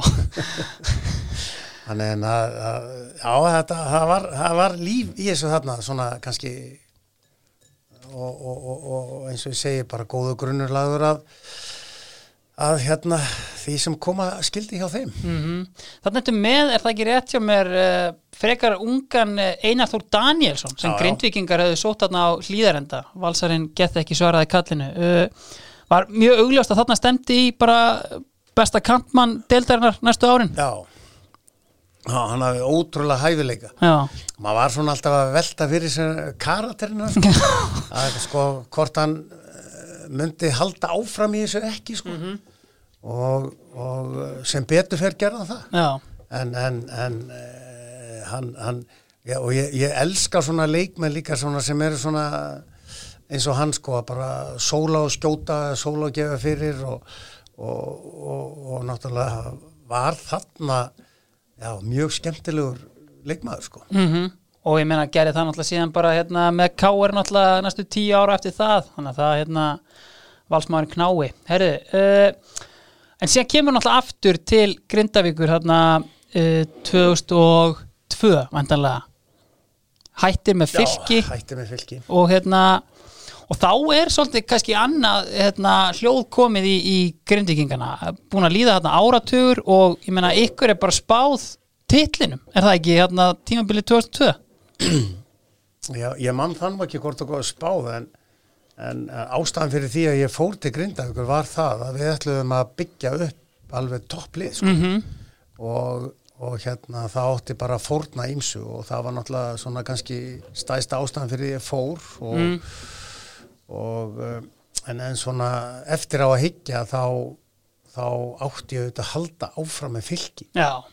Og, uh, og halda áfram því sem að, því að við vorum byggameistarar hérna 2002 en, en að það var eitthvað sem tókaði í mig þarna sögurettir og, og, um, og svona ég er mjög hugsið yfir þessu en þá okkur ég fór frá fylki.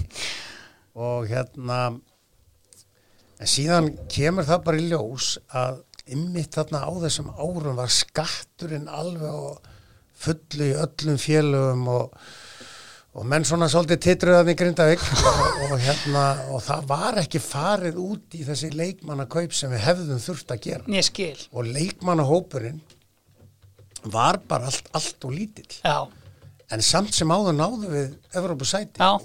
Tel, tel það hafa verið bara algjör, algjört kraftaður já, og ákvarðat eins og þetta ár sem að, og ég segi það líkillin að, að því að við náðum þessu þriða sæti var að færa kekits í hjásendin Mhm. og, og alla inn í liðið já, og, og Gretar fór þá að blómstra Mhm. og, og, og hérna eins og segi, var markaðist í leikmaða mótsins en hefum bara gaurið eins og Gretar Hjartarsson sem að, veist, á þessum tíma hann var eh, ef ég sletti bara unplayable og veist, hérna besti leikmaður deildarinnar og veist, kannski sorglegt kannski hvernig, hann er alltaf mittur held ég hérna allt árið á eftir eða ekki? allt árið eftir. Og þú veist, g- veist, gaur með hæfileika til að ná kannski ennþá lengra veist, með þetta, eða, eða hvað? Já, já, hann fór svo í káir Einmitt. ef mann rétt og, og hérna en en ákkurat þessi meðslans á þessum tímapunkti voru mjög slæm fyrir hann mm og hans fyrir en, en hann var hann, hann, hann var einn af þessum sendunum bara sem að sem öruglega hefur sofið bara með mark upp í rúminu sinni hann, hann, hann var svo direkt uh, á, á, á, á, á, á raman mm algjörlega. Ef við færum okkur síðan kannski aðeins aftur þarna, þú hætti með Grindavík og ferð þá í verkefni með áskeri Sigurvins í, í fram þarna tímabilið 93 Já, Þú veist, þetta er náttúrulega kannski eiginlega, þú veist, fyrir utan með landslið, kannski það eina sem Ásker Sigurvins hefur gert í þjálfun í rauninni. Þú veist, hvernig hérna, það Ásker mikið, fáranlega spurning kannski, en þú veist, mæntalega haft mikið fram að færa, en þú veist, var ein, veist, ka- kannski engin áhugi hjá honum bent fyrir þjálfun eða?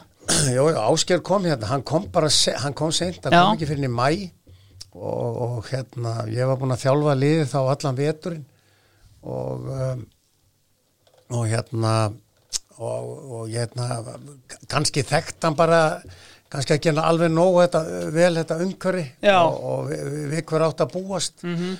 en uh, það var flott að vinna með honum að það er á fram og, og hérna en, en síðan uh, sem sagt fór hann ekkert út í þjálfun aftur og, og ég held að hann hafi kannski svona, uh, svona séð það að þetta að þetta, þessi grjótarða vinna hérna að, að hérna að, að sjá um Íslands lið sko og þetta undirbúin stíðanbíl það var kannski ekki alveg það sem hann vildi.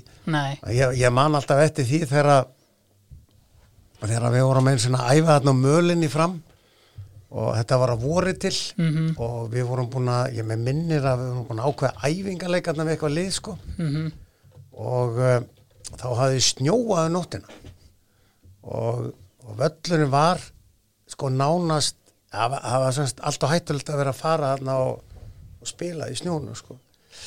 Og þá kom Olli sem þá í stjórninni á, á, á fram. Og ásker átti svona jeppa. Og uh, þetta var eini jeppin sann á planinu. Og um, og hérna og kemur til Geira og segir Geiri, lánaði með liklana bíluðinum já, já, segir Geiri og lánar Ollaða sko svo við Geiri bara inn í kaffi og eitthvað svona og þá hafði Olli tekið bílinn, sett slóða aftan í hann og slóðaði bara hann helviti snjó í burtu. Og hérna og svo kom Ásker út sá að jeppin hans var notaður í að slóða. Hann átti ekki til þetta einasta orð Já, þetta hefur kannski bara hérna algjörlega reyðanum að fullu. En þú veist, það er mitt hérna, ára á eftir, þú veist, hérna, endi hérna í fjórðasæti með framlið og kannski hérna, kannski engin alla að titlinu með annað og veist, veist, ég las eitthvað um það í rauninni að kannski, uh, kannski svona svipað og, og hjá hérna uh, blikunum að það 95, það var einhver hugmynd að gjá þú veist, uh, eitthvað talað um að veist, þið hafið alltaf svona bóð einhverja byltingu í undibúningstímabili og eitthvað annað, er þetta eitthvað að ringja einhverjum bjöllum? Já, já, já. algjörlega sko og, og svo bara sagt, einhvern veginn dró áskessið tilbaka í þessum og, og, og hérna og einhvern tímabandi held ég að ég hef nú alveg komið til greina sem, sem aðal þjálfari en einhvern veginn þróaðist þetta þannig og hérna og menn voru ekki alveg sáttu við einhver, einhver ummæli og eitthvað slíkt þannig að, þannig að, það, að tíminn þarna var búinn Já, en þú veist, var eitthvað sérstat sem þið höfðið í huga? Veist, með undirbúinstempil og annað? Já, ég held já, já, það átti að það átti að svona uh, bylta einhverju hugmyndafræði í sambandi við uppbyggingu á, á, á, á svona fitnessi og þessu öllu saman. Mm -hmm. þannig að hvort að við ætlum að fara í tvær æfingaferðir eitthvað, ég mann þetta nú ekki alveg sko. Nei, nákvæmlega.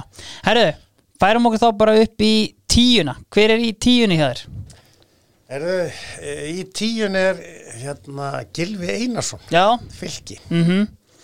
e, e, á þessum árum hérna hjá fylki sem voru náttúrulega alveg mögnuð og komur rosalega óvart því að, að hérna liðið var bara nýkomið upp í eftir dild og Gilvi og eins og ég segi þá tóst okkur að, að búa til rosalega vel balansera lið og, og svona já bara mjög svona öflugt og skemmtilegt lið, mikinn hraða, eh, flotta bakverði sem komi upp í sóknina, eh, Ómar Valdimarsson og, og, og, og Þóraldur Danur hafsendar og veikleika hvors annars alveg geysilega vel upp mm -hmm.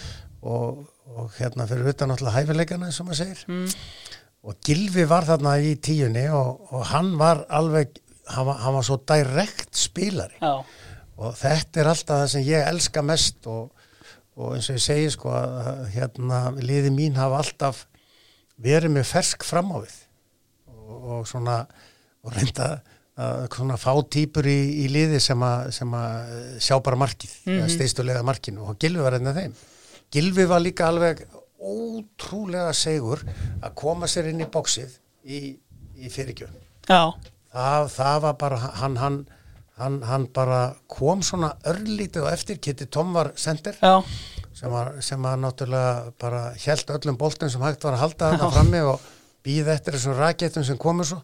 Og, og, og þannig að liði fungeraði vel og, og Gilvi held ég að við skora einn 13 mörg þetta sömur og sem miðjumöður og fer náttúrulega út bara í aðtunum mennsku tímafélagi eftir. Já, já. og þú veist, kannski svona veist sorglegt í rauninni veist, að því hann hérna, hann fætti Lilleström síðan er hann komin til held ég Leeds bara þaðan og veist, maður hefði veist, mann finnst henni einhvern veginn eins og meðsli hafi rænt kannski ennþá betri ferli sko. alveg klálega, alveg klálega. og hérna hann, hann, hann fær tíuna en, en það eru tveir aðrir sem að sem að eru náttúrulega alveg frábærir og gerðu náttúrulega tilkall mm -hmm. til mhm. tíunar, það var Ómar Torvarsson Já. hann nátti náttúrulega frábæra feril hérna með fram og svo í Sviss að með minnir mm. og, og svo séu við Nólas mm -hmm. er, en, en uh, Gilvi fær þetta algjörlega uh, þessa tíu -hmm. Förum bara í fylki eins og með blikana og grindag áttu tvö tíma byrjum fylki sko fyrst þarna árið 94 þá er þið í fyrstu deildinni uh, tekst ekki að fara upp það fyrir eins og það er sem kemur aftur fyrir tímabilið 2000 og kannski fyrir utan einmitt uh, unga leikmenn að þá þá hérna þú veist, þá er þetta bara sami leikmannahópur, er það ekki eiginlega bara réttið mér, ég minna út með hérna, með Tóta Dan Óla Stíks uh, Kitty Tom, hann er alltaf ennþá. Veist, var þetta eins og að mæta bara aftur heim eða, þú veist, hérna Já, hann, já. Óli kemur reyndar 2001 en, en það farið í val en, en sko um, já, þetta var bara þroskaði strákar. Þa, það var munur ná og, og síðan höfðu við náttúrulega í gegnum hörku skóla þarna ári áður hjá Óla Þórðar sem, sem að, að þrjusaði þeim þarna upp í eftir deil sko. og uh, þannig að það var alveg svona æfinga vilji og, og, og menn voru menn voru alveg á tánum í, í þessu öllu saman og svo eigum við bara gott start og byrjum ágætlega og svona jóks bara sjálftrösti þó að þessi drengir hefði gett átt mörg ári eftir til mm -hmm. að þá svona bara uksuðu með þessu að þeir, þeir voru góðir í fótbolta Já. og þetta var samstiltur hópur, strákar mm -hmm. sem hefur verið lengi saman eru mikið íslenskmestrar yngri flokkum ná, nákvæmlega og, og hérna og einhvern veginn bara small þetta vel. Ofta einhvern veginn talað um svona fylki sem svona, veist, eins og þú segir bara veist, þetta er mjög svona samstilt félag og veist, mikil svona oftast byggt upp nær engung á heimamönnum gaman að vera í fylki. Já, ah. á þessum árum var þetta alveg magna það var, það var frábær frangandastjóri Kjartan Danielsson og uh, Jón Ellert eitinn, mikill vinnu minn var svona svona sponsaði klubbinu sem að segja sko og blessu sem minning hans mm. og hérna og það var rosalega svona góð ára í kringum þetta mm -hmm. stjórnum var samstilt og, og hérna og náttúrulega held ég að heimavalla áhorfið fór úr 300 í 1500 og, og þetta var svona já þetta var svolítið svona sprenging í klubnum og og sem að þetta var bara gleðileg sko. Algjörlega, við byrjum bara á tímabilinu 2000, eins og kemur hann að vera nýlegar í dildinni, ég held þetta sé næst besta framist að nýlega í dildinni, þú veist bara veist, frá allavega 91, eða 92 segið að skæðin vera mistarar þú veist hvernig veist, bættu þið mikið í veist, á milli ára? Veist, eða, eða, tókstu, varst það púsla liði saman eða tókstu bara við geggiðu búi? Ég, ég tók náttúrulega við mjög góðu búi mm -hmm. alveg klálega og uh, við fengum Sverrir. Já, já. hann, kemur aftur til sögu. Mm. og Sævar þó Gísla og svona þarna var eh, svona, þá vorum við með Kitta Tom fremstan. Og svo var Sævar hægra megin og Gilvi fyrir aftan og, og Theodor Óskarsson. Alveg eld fljótur og skemmtilegu leikmaður og einhvern veginn sko bara þessi framlýna bara small saman sko. mm -hmm. síðan er mitt bara tímabilið 2001 þú veist þá hérna þá verðið þið byggamestrar er það ekki rétt sem er? Jú. en þá er mitt, þú veist, það er kannski hérna þér á toppnum bara hérna um vestunumannhelgi eitthvað svoleiðis og þá kemur náttúrulega hérna hinn fræga saga um, um partíið örlagaríka hérna uh, hjá fylgismönum sem að Þormóður Egilson þarf að, þarf að skaka leikin og, og We Are The Champions er á fóninum. Veist, var þetta eitthvað sem að hérna, veist, lættist inn í leikmannhófin þú ætti að láta menn heyra það á æfingum koma með nýra á jörðina því sem hann tapaði bara síðustu sex leikjunum eða eitthvað svo leiðis Já, það er alveg klálega þarna voru menn og kannski allt og margi farnir fram úr sér en, það, en líka á þessum tíma sko var örðu smá skakkaföll í leikmannófnum mm -hmm. það með minnir að Rappkjell Helgarsson fer ellendis og það kom okkur í pínu opna skjöldu. Mm. og bara rétt fyrir fyrsta ágúst sko áttum ekki sensa á ná í annan leikmann.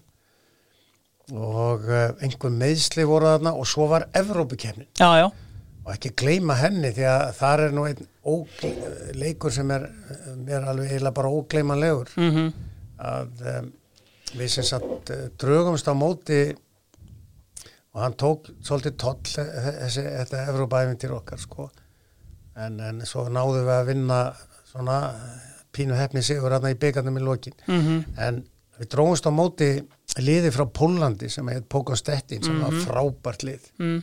spila við það á Spáni í, í, í hérna æfingarleik einhvern tíman í februar töpuðum 5-1 og og komum allavega boltan í leiknum þeir voru svo góðir sko. Og hérna en, og voru með fullta brössum og svona og gríðalegu peningur í þessu liði Já. svo drögust við á móti þessu liði í Evropakemni þeir hafði verið bara í öðru sæti í Pólandi mm -hmm. og dragast á móti liði í Pólandi á þessum tíma og var náttúrulega bara ávísun á það að, þetta er ekki lengra æfintýri sko. og en einhvern veginn þá frettu við það að þeir væri í tómu tjóni Eh, nánast allir brassarnir vera farnir og, og eh, við undirbyggum hann að leika alveg sérstaklega þessa, eh, þetta, fyrir, fyrir þetta og leitum við allar ráða til að njósnuðu það og fá frettir að þeim sem að tóst mjög vel. Mm -hmm.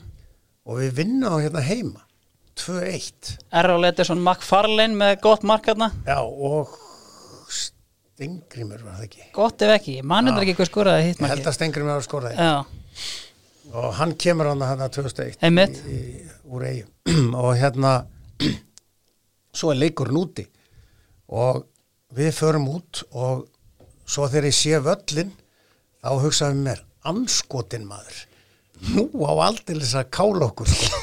að völlurinn var sko 110 sinni 74 já, og, og ég er ennþá að pæli í því hvort að það hafi verið löglegt að hafa svona en sennilega hafa nú regluna verið þá þannig að, að það var ekki staðlað allt saman sko. Hann er bara risa stór algjörlega rísa völlur maður og, og svo kemur leikdagurinn maður og, og hérna það er mjög heitt í veðri sem að hendaði okkur náttúrulega enga veginn að sjálfsögðu. Og síðan er það þannig að eftir sex minna leik skoraðir eitt mark og þar að leiðandi eru þeir komnir áfram. Mm -hmm. Já, sko, við töpuðum hérna, nei við unnum hérna tvö eitt heima og þeir bara halda áfram að sækja og sækja og sækja og allt þetta. Og svo kom við inn í hálfleik. Og ég sá bara andlitin á leikmannunum að þetta var sko gjörsanlega að tapa sko. alveg bara við vorum svo búnir á því. Við vorum búin að hlaupa svo mikið. Og svo náttúrulega var þetta þannig að það var náttúrulega að stappa stálin í, í drengina. Og ég segi svona við það, strákar sko sko marki var náttúrulega ósangjart, það var náttúrulega ósangjar aukarspenn og allt þetta sko. og ég náttúrulega að byrja á því að segja sko að svona sé þetta og við, þetta veri algjör óhefna að fá þessu aukarspenn á sig og eitthvað svona. Og svo segi, ok, nú, nú er bara staðan svona og þeir eru áfram. Núna höfum þetta þannig að, að við bara verjumst og verjumst og verjumst og svo í lókleiksins ef að staðan er 1-0 að þá, þá hérna breytu við taktekinni sem ég fór svo yfir og, og hérna og tökum alla sjansa bara fram á því já, já, þeir voru alveg klárið í þetta. Og síðan byrjaði setniháleikur og það var náttúrulega bara sama. Þeir svo, sækja og sækja og sækja. Og Kjartan Sturluson hefur nú sennilega átt svona leik ferilsins örgla þarna. Og, eh, og síðan er staðan bara 1-0 bara þarna í lokin. Og, og hérna og svona sámað líka sko af því að þeir skoruðu ekki annað markið þá einkennir það stundum lið þarna austantjáls að þá gera þeir ekkert meira en þurfa. -hmm. þannig að kom svona smá ró yfir leikin og svo bara þegar það er einhverja 7-8 myndir eftir þá gerum við þessa breytingu og hérna Pétur Björn Jónsson er settur inn. Og hérna og upp úr einni svona skyndisóknir sem við fáum, fáum hotn og hotnið er tekið og hann skorar. Já, heldur betur. Og það var bara á 90 og annari mínúti og, og hérna þetta var náttúrulega svona eitt mesta kikk sem maður hefur fengið. Mhm. og líka það voru 150 áhangandur fylgis og, og hérna sem komu í vél sem að bara flög út og hefði mattu með þá. Já, þeir voru búin að fá sér örlítið í vélinni sko. Þannig að það var mikil stemning Já. og því lík læti í hólfinu sem að þeir voru í. Það var alveg alveg geggja sko. Já. Ég meina, veist, þetta er náttúrulega, veist, magnað Európa-æventýri, fá hann að róta einmitt í kjölfæri sem reyndist kannski aðeins og stór biti. Já, og líka það sko að þarna eru við í pínu svona, þarna var leikmannahópurinn sko orðin smá svona bæði þreytulegur og, og, og annað og, og hérna eins og ég segi sko þetta, þetta tók svolítið tennurnar úr okkur í þessari titilbarátt sko. Mm einmitt. En síðan einmitt sko eftir að koma inn á, þú veist, kannski mistök að halda ekki áfram bara með fylki. Þegar þú, hérna, þess, bara fært hann til Grindavíkurunni. Varstu búin að heyra eitthvað í Grindavík áður en, hérna, áður ákvæmst að vera ekki áfram með fylki? Já, ég heyrði í grindingunum strax um hausti bara og, og hérna en, en einhvern veginn sko einhvern veginn sko var, var reikalega sjarmir að fara þarna og, og, og gera það sem að planið var Mm sem, sem svo varð aldrei. Nei, planið var aldrei on. Og, og hérna þannig að, að svona eftir á að hyggja þá, þá, þá voru þetta náttúrulega mín bestu ár þarna í, í bransanum hvað, hvað var það tilla mm Nákvæmlega. Það er einmitt, uh, er fréttir á þessum hérna, tíma þú skrifar undir hjá Grindavík. Og sterklega orðaði við káer Fórstu í einhverja viðræði við þá þegar Viljum tekur við liðinu? Nei, Ekki, það er bara hauga lígi já, ég fór aldrei viðræði við Káar Káar hefur einu sinni ringt í mig. Já, og það var þegar ég tók fylki. Já, já, já. þá var ég bara komið það langt með fylki að, að það var ekki aftur snúi sko. Nei, einmitt.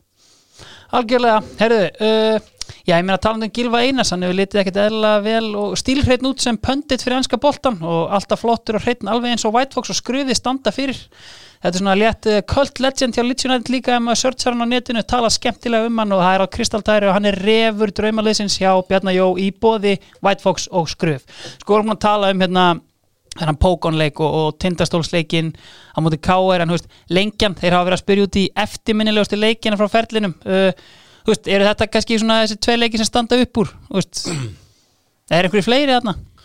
Já, já, þetta eru það eru, það eru þetta nokkru leikir sem eru sem eru hérna eftirminnilegir og þetta náttúrulega er, er, er sko kannski svona sá leikur sem að var svona eh, kannski mann það er þegar við tryggjum okkur titilinn í fyrsta skið eða sem staðin í eigum 97 Mm -hmm. Vorum í hörku baróttu við Keflavík lengi vel og, og, og spilum við þá í byggarnum þeir voru með mjög sprækt lið á þessum tíma Mhm. og, og svona massífur tilbaka og, og hérna og voru og unnu okkur svo í byggarnum mm. fyrir rest eftir, eftir endur tekin leik Já, já, og en, en eftir fyrri leikin sem fór 0-0 að þá komum við til eiga og við áttum sens að tryggja okkur titilin æmitt að móti þeim. Og, og hérna unnið á 5-1 já, já. Og það var, það var svo líka og svo líka á einhvern veginn sko heldu áttu við ekki vona að við fengjum byggarinn afhendan? En svo bara var hann mætt Já, og þannig að þetta var svona varð alveg hrikalega stór dagur og stór minning. Mm en, eh, en þetta er náttúrulega líka þegar að við tökum löpum í burtu með, með titilin af Káarvellinum 88 98 ef 98 segi mm, Já, þá, þá náttúrulega það er náttúrulega rosa stór stund sko því að þar, þar voru sko einhver 5-6 úrst áhærandur Já. og, og hérna og umfjöllunin og, og, og allt fyrir leikin og þetta algjört taugastríð og, og hérna og, og þetta kikki sem menn fá svo í lokin í því og og hérna og bruna með byggarinn í herjól og Já. tvekja hálfstíma sigling maður og bæjastjórin Guðjón Hjöllisson dansandi upp á borðum og svona maður, þetta er bara þetta er bara geggjað sko. já, Ha. ég trúi því Sko, ef ég er samt hérna leðilegu við þig, þá, þá get ég ekki annað hérna, en, en sko minn eftirlætis byggarústæðleikur er þessi einví hérna við Keflavík eh, 97, þú veist hvernig, þú veist það er til náttúrulega vídeo af þessu á YouTube og þú veist, maður sér bara svona allan tilfinningaskalan í andlitin á þér hérna, þú veist, mellið það í þessum setni leika sem allt er að gerast og þú veist og er náttúrulega bara í fyrri leiknum náttúrulega líka kannski aðalega þegar Gestur Gilvason hann kloppar þrjá og þú veist, ég meina er þetta mesta svona kýling í magan sem þú hefur fengið sem þjálfari? Já, alveg öruglega, Já. svona einaði, einaði meiri sko. Mm og, og hérna og, og varðandi líka það sko að, að þetta voru tveir leikir. Já, já, og, og setni leikurinn er náttúrulega tímasetningin á honum er náttúrulega okkur alveg ríkalega óhagstæð. Nýbúin að spila náðu stútkart Stuttgart á 50. kvöldi og þar vil ég meina það þar spiluðu við besta leik sem IBVF spilaði undir minni stjórn. Já, það var á móti Stuttgart. Það var nú ekki ófrægari maður í stjórnveldi á Stuttgart en Jóakim Löf já, og, og þeir voru náttúrulega með mjög gott lið á þessum tíma, þeir voru reyndar í ströggli í dildinni og hann var rekin fljótlega eftir þetta. Mm.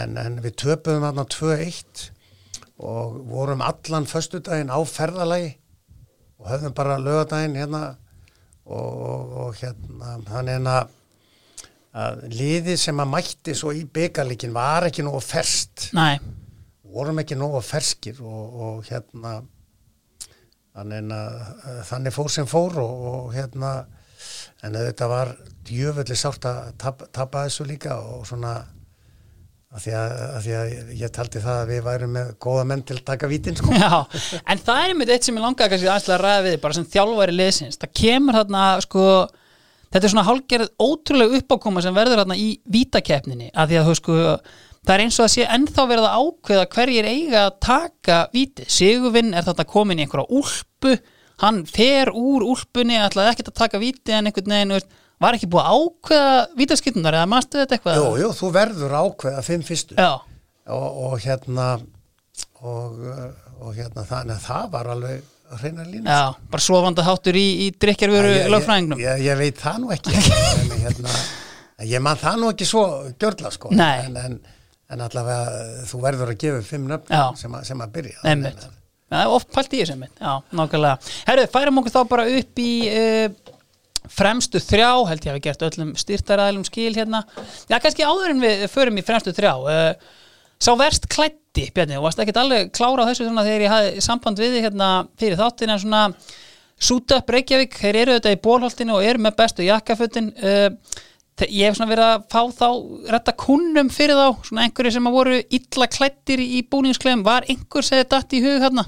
Ég, ég bara ég, ég held ég hafi nú mjög lítið pælt í þessu og er nú ekki mikið að pæli því hvort að menn mæti þarna í jakkafötum eða í gallabösku með pípararaskat það, það, það, er nú bara þannig en, en, en ég veit ekki sko þetta er náttúrulega svona eini maðurinn sem hefur verið svona mest ábyrrandi í hvernig hann klæði sig. Það er náttúrulega Herman Reyðarsson en, en hvort sem að mönnum finnst það flott eða ekki flotta þá finnst mér hann alltaf uh, reyndar geggjaður í tauginu en það er kannski einhvern maður sem finnst hann hræðilegur en, en ég held að sé nú alveg sami hvað flík herma fyrir hann, hann það klæðir hann allt verið Algjörlega. Herrið, færum okkur þá bara upp í sóknarlínuna, hún er í búið lengjunar og lengjan færir okkur auðvitað bestu stuðlana í nýja appinu sínu sem er reyndar ekki lengur svo nýtt, allir komni með þetta. Þeir eru auðvitað að skila miljónum inn í Íslands íþróttastarf bara þegar þeim sínist og ef þú veðjar á lengjunni þá eru það skattfrjálsir já, skattfrjálsir vinningar.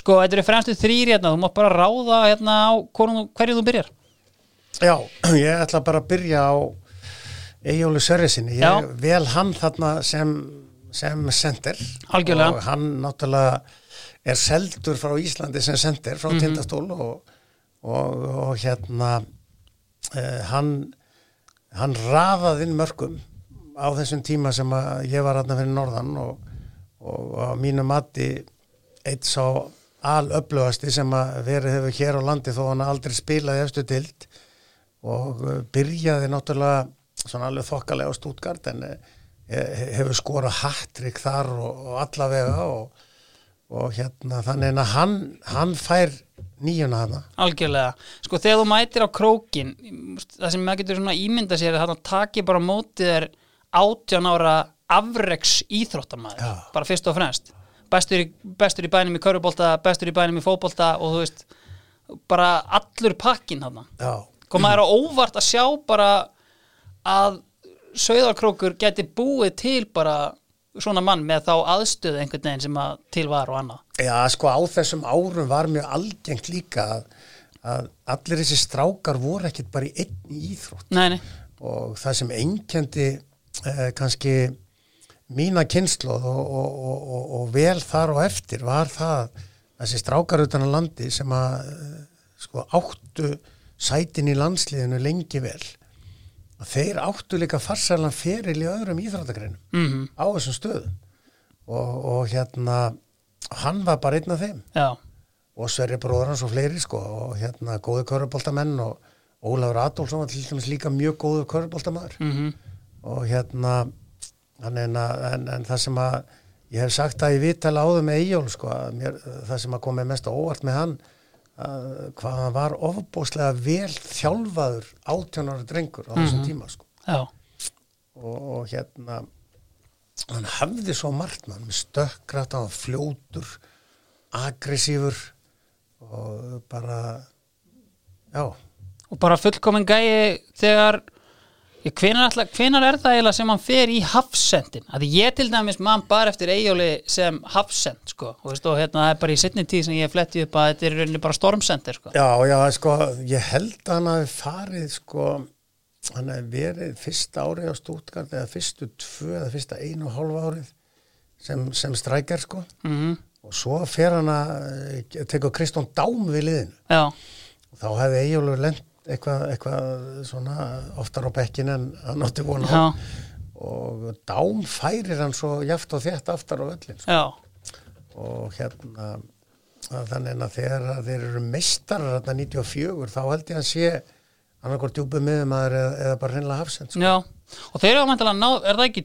dám sem tekur hann til Tyrkland jú, líka? jú. Já, hann gott samband þarna en einmitt sko, veist, takið síðan saman hann við landsliðinu uh, sko, byrjar frábælega uh, leikur á móti Norður Írum, er það ekki fyrsti leikur?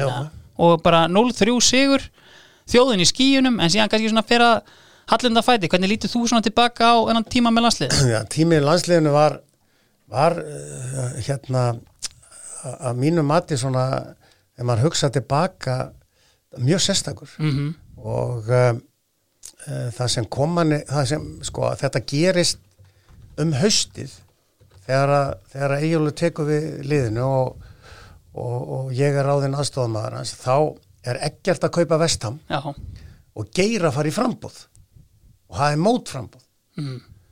og það mátti bara ekki nokkuð maður vera að því að sinna þessu landslið á þessum tíma bara reynd út sagt. Og, og ég man eftir því að við spilum svo fyrsta landsleikin okkar og móti þetta og Tobago. Mm. Og, og, og það var Jón Ellert hérna Jón Ellert vinnu minn uh, hérna eitinn sem að rettaði bara þeim leik. Já, og svo sko svo einhvern veginn veist, vildum við eða semst og sérstaklega íjólu náttúrulega sem að, að, var að koma á ratunum en sko annað að semst að, að, að bæta umgjörðina fara fyrr í leikina vera á betri hótelum og bara, bara allur þessi pakki. Að þetta var allt tómt vesin mm. skilur og, og svona leikmenn þurft að millilenda þrís á fjóru sinnum á leiðinni til Íslands af því að það var ódýrara og, og vist, það var svona ótrúlega hlutir og þetta náttúrulega lagaðist ekkit og ég, ég sagði það líka þegar við hættum aðna að þetta yrði ekkit öðruvísi fyrir en að kæmi bara hérna alvöru erlendu þjálfari sem bara segði þessu mönnum til verka. Og, og ég hafði algjörlega rétt fyrir mig, ég getur bara spurt fólk að, frá þessum tíma uh, hvort að, að það hef ekki verið. Og meiri segja sko að, að hérna og, og, og við, við vitum það alveg hvað Lass Lagerberg gerði hérna. Mm og, og, og hvaða aga og, og svona umgjörð og náttúrulega fekk líka þessa kynnslóð upp í landsliði sem var náttúrulega fínt líka en, en, en þetta var alveg ótrúlegt og svo man ég líka eftir bladamennskunni þessu. Að þegar Eyjólu var ráðinn þá var byrjað. Já, já, sko hann var, hann var ekki hann var ekki, hann var, hann var, ekki sko hann var ekki búin að skrifa undir einu sinni þegar að þegar að, þegar að böggan sko. Þetta var einmitt frekar svona óvægin umfjöllin á, á tímabili, veist, auðvitað voru úslitin kannski ekki hérna hagstað og annað, en þú veist, þetta var þetta var, virtist vera komið út í svona frekar persónulegt og svona leiðilegt einhvern veginn og þú veist, með þetta hlýtur líka að hafa bara haft sér að segja bara inn í landslið og hópin og, og annað. Já, já, svo, svo að ég, sko, svo, svo með hópin Já, að sko þetta var einhvern veginn svona jú, jú, það ætlu allir að ná árangri. En þetta var svona þetta sko manni fannst þetta sko kannski svolítið heimilislegt á þessum árum. Þegar að liði kom hérna og þá þurfti nú menna svona veist, það var mikið verið að heimsækja menn á hóteli og kíkja og ræða málin. En ég, ég hef oft sagt það sko þetta var náttúrulega á þessum árum þarna þegar allt hruni var og, og, og allt þetta sko. Að svo, svo þegar leikmenn voru kannski að koma hérna heim og, og svo þegar var frítími það voru svona menna velta fyrir sér maður held að það væri kannski bara svona hitta vin og ættingja. En þá var alltaf, heyrðu, má ég aðeins skreppa hérna, ég þarf að hitta ráðgjáma minn í bankanum. Nei, einmitt, nákvæmlega. sko uh, það sem að kannski og svo líka var alltaf verið að segja sko, já ég sá nú þennan fullanir í bæ. Já, já, já, byrtu bara myndir af því. Og það var aldrei byrt myndir það var alltaf þetta sama bögg Mhm. skilur, það var aldrei friður um eitt eða neitt, já hann var fullunni í bæ við vitum það alveg. Og við erum með myndir af því. Já, byrtið þá myndirna svo við nei, það, það, það var aldrei gert. Nei, en það var alltaf þetta sko ákvæmlega þetta bögg sem að hérna og svo voru, svo voru til dæmis eh, sko einu sinni var bladamaður sem að, að uh, allt í einu var alltaf laumubúkast á einu stað og, og það var og hérna og, og hann bjó á sama hótel á við sem var mjög óvanlegt. Já, og þá þóttist hann vera í, í, í hérna, erindagjörðum fyrir eitthvað fyrirtæki. Og það var alltaf verið að smigla sér inn á hótelin Já. sem vorum til að geta gefið nú að anskoti mikla skítasúðu sko. já þannig þetta er náttúrulega, veist, kannski einmitt súmerar upp í það, veist, við náttúrulega gerum í rauninni kannski ekkert fyrir að umgjörinu bætt þarna með Lars og annað, sko.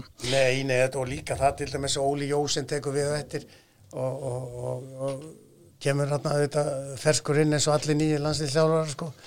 Og svo, svo bara lendir hann í þessu sama þannig að sé sko. Mm að, að svo kemur Lars Lagerbæk og það er tekið þátt í öllum mótum og, sama á hvaða heimsendum þeir voru. Já, já, og, og, og hérna og hann bannaði mér sér stjórnamennum að drekka brennivinn á ferðalögum hann en að, að það var, það, hann tók allt. Hefði það ekki verið tekið í mál á ykkar tímum með það? það sé ekki.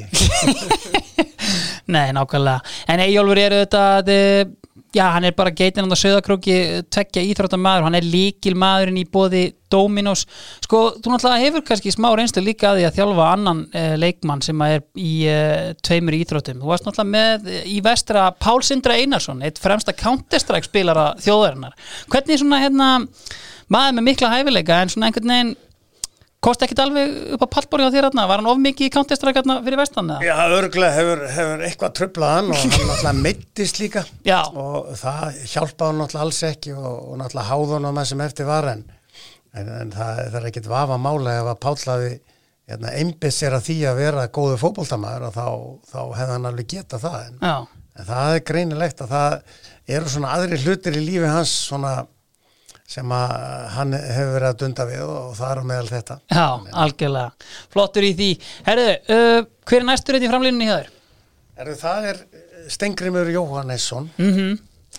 sá merki merki fótboltamaður Mhm. og, og, og blessu sér minning hans Mm. fjall frá allt á snemma Mhm. og um, samstarf okkar var, var mjög mikið og hann kom svo til fylgis og var byggamestranum okkur þar en að, að hann, hann var hann var alveg hann var alveg geggjaður og, og hann, hann ég held, ég geti sagt að hann sé eitt duglegasti og viltasti leikmaður sem ég hef þjálfað. Já, og um, hafsendarnir vissi aldrei hvað hann kæmi. Hann þurfti reynda nokkur slatta færum til að skora. Og um, og hann, hann hérna hann, hann stundum hljópa svo vitlaust að sko Tryggvi fekk oft döðafæra því að stengur með hljópa svo vitlaust eða hljóp, hljópa rétt er á já. staðið. Mhm. en, en samkvæmt einhverjum bókum og, og Excel-skjölum þá þá, þá held ég hann geti ekki verið í fótboltalið í dag.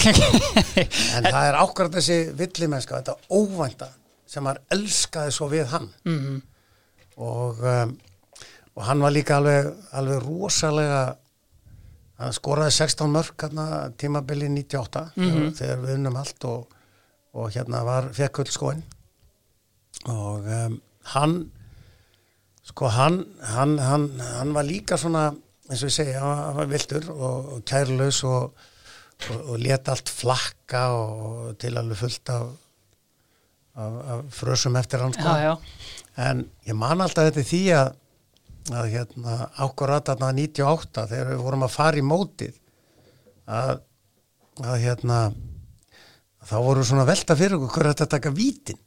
Því að eh, sem sagt tryggðu var farin og, og venni var off og um, og hérna og það var náttúrulega töpuðum þarna vítaspindu kefni ári á Já, já. eitthvað var búið að brenna vítum líka sko. Já.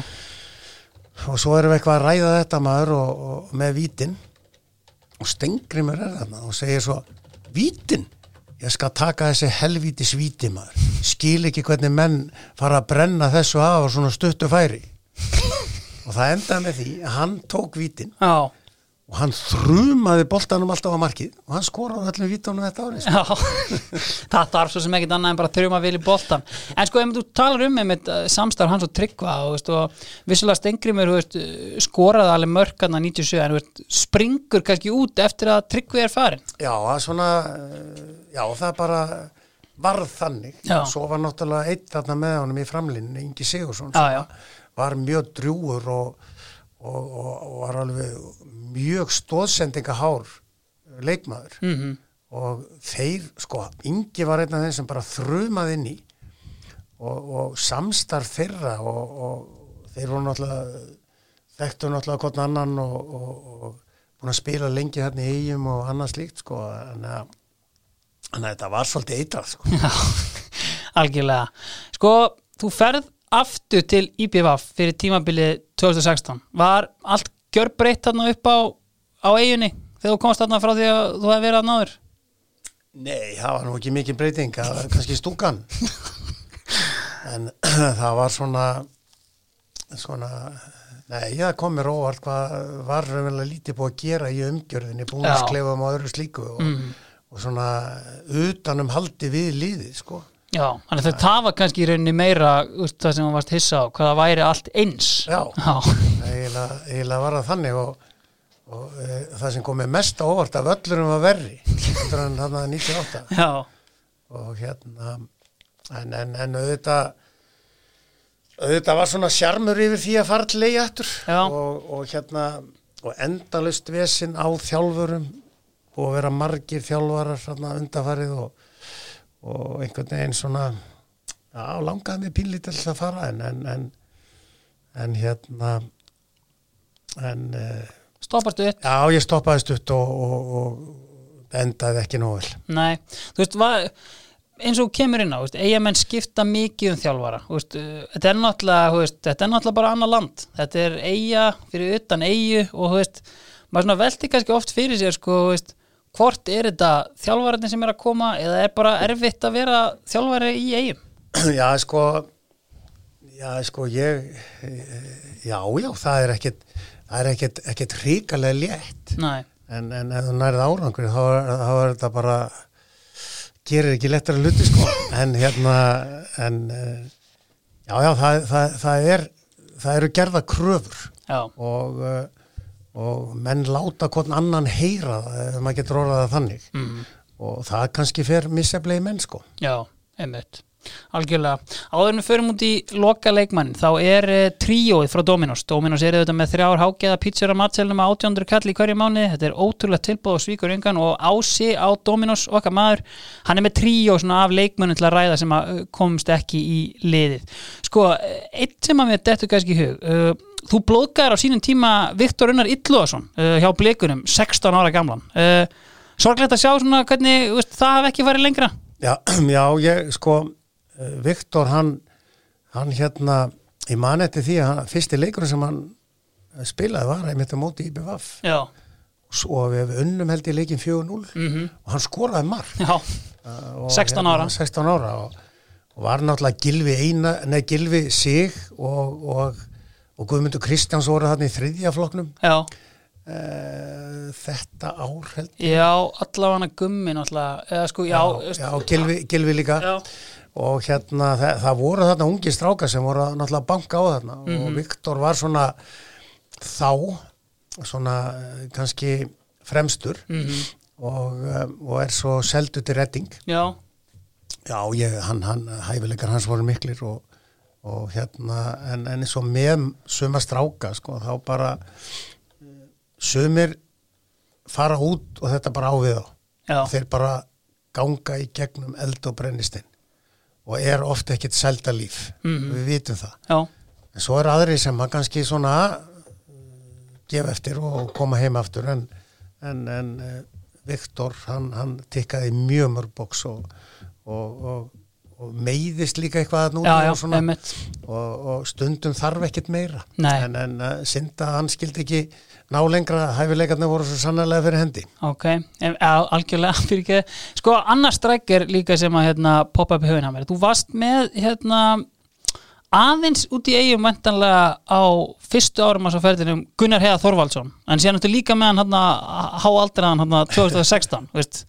Gæi sem ána þetta bara frábæran feril í, í Skandinavi og svona þýlikur mistari bara sem karakter og bara svona skilgreining á hugarfari og, og atgerfi sóknarmanns einhvern veginn, er þetta góða gæi að hafa í, í klefanum og, og annað? Já, það er mjög og hérna Gunni var sko aðeins ungur hérna í eigi hann og Alli Jó mm -hmm.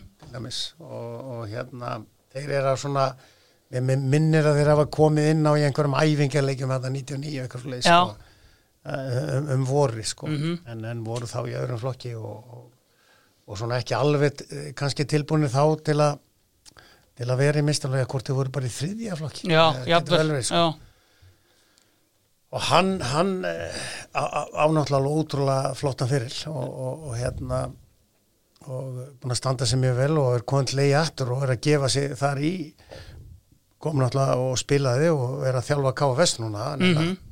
Hann alltaf bara að halda áfram að að gefa af sér hérna í til ykkur topp maður og síðan kannski að lokum uh, í Grindavík ertu náttúrulega með eitt skemmtilegasta leikmann sem Dildin hefur séð í, í Scott Ramsey.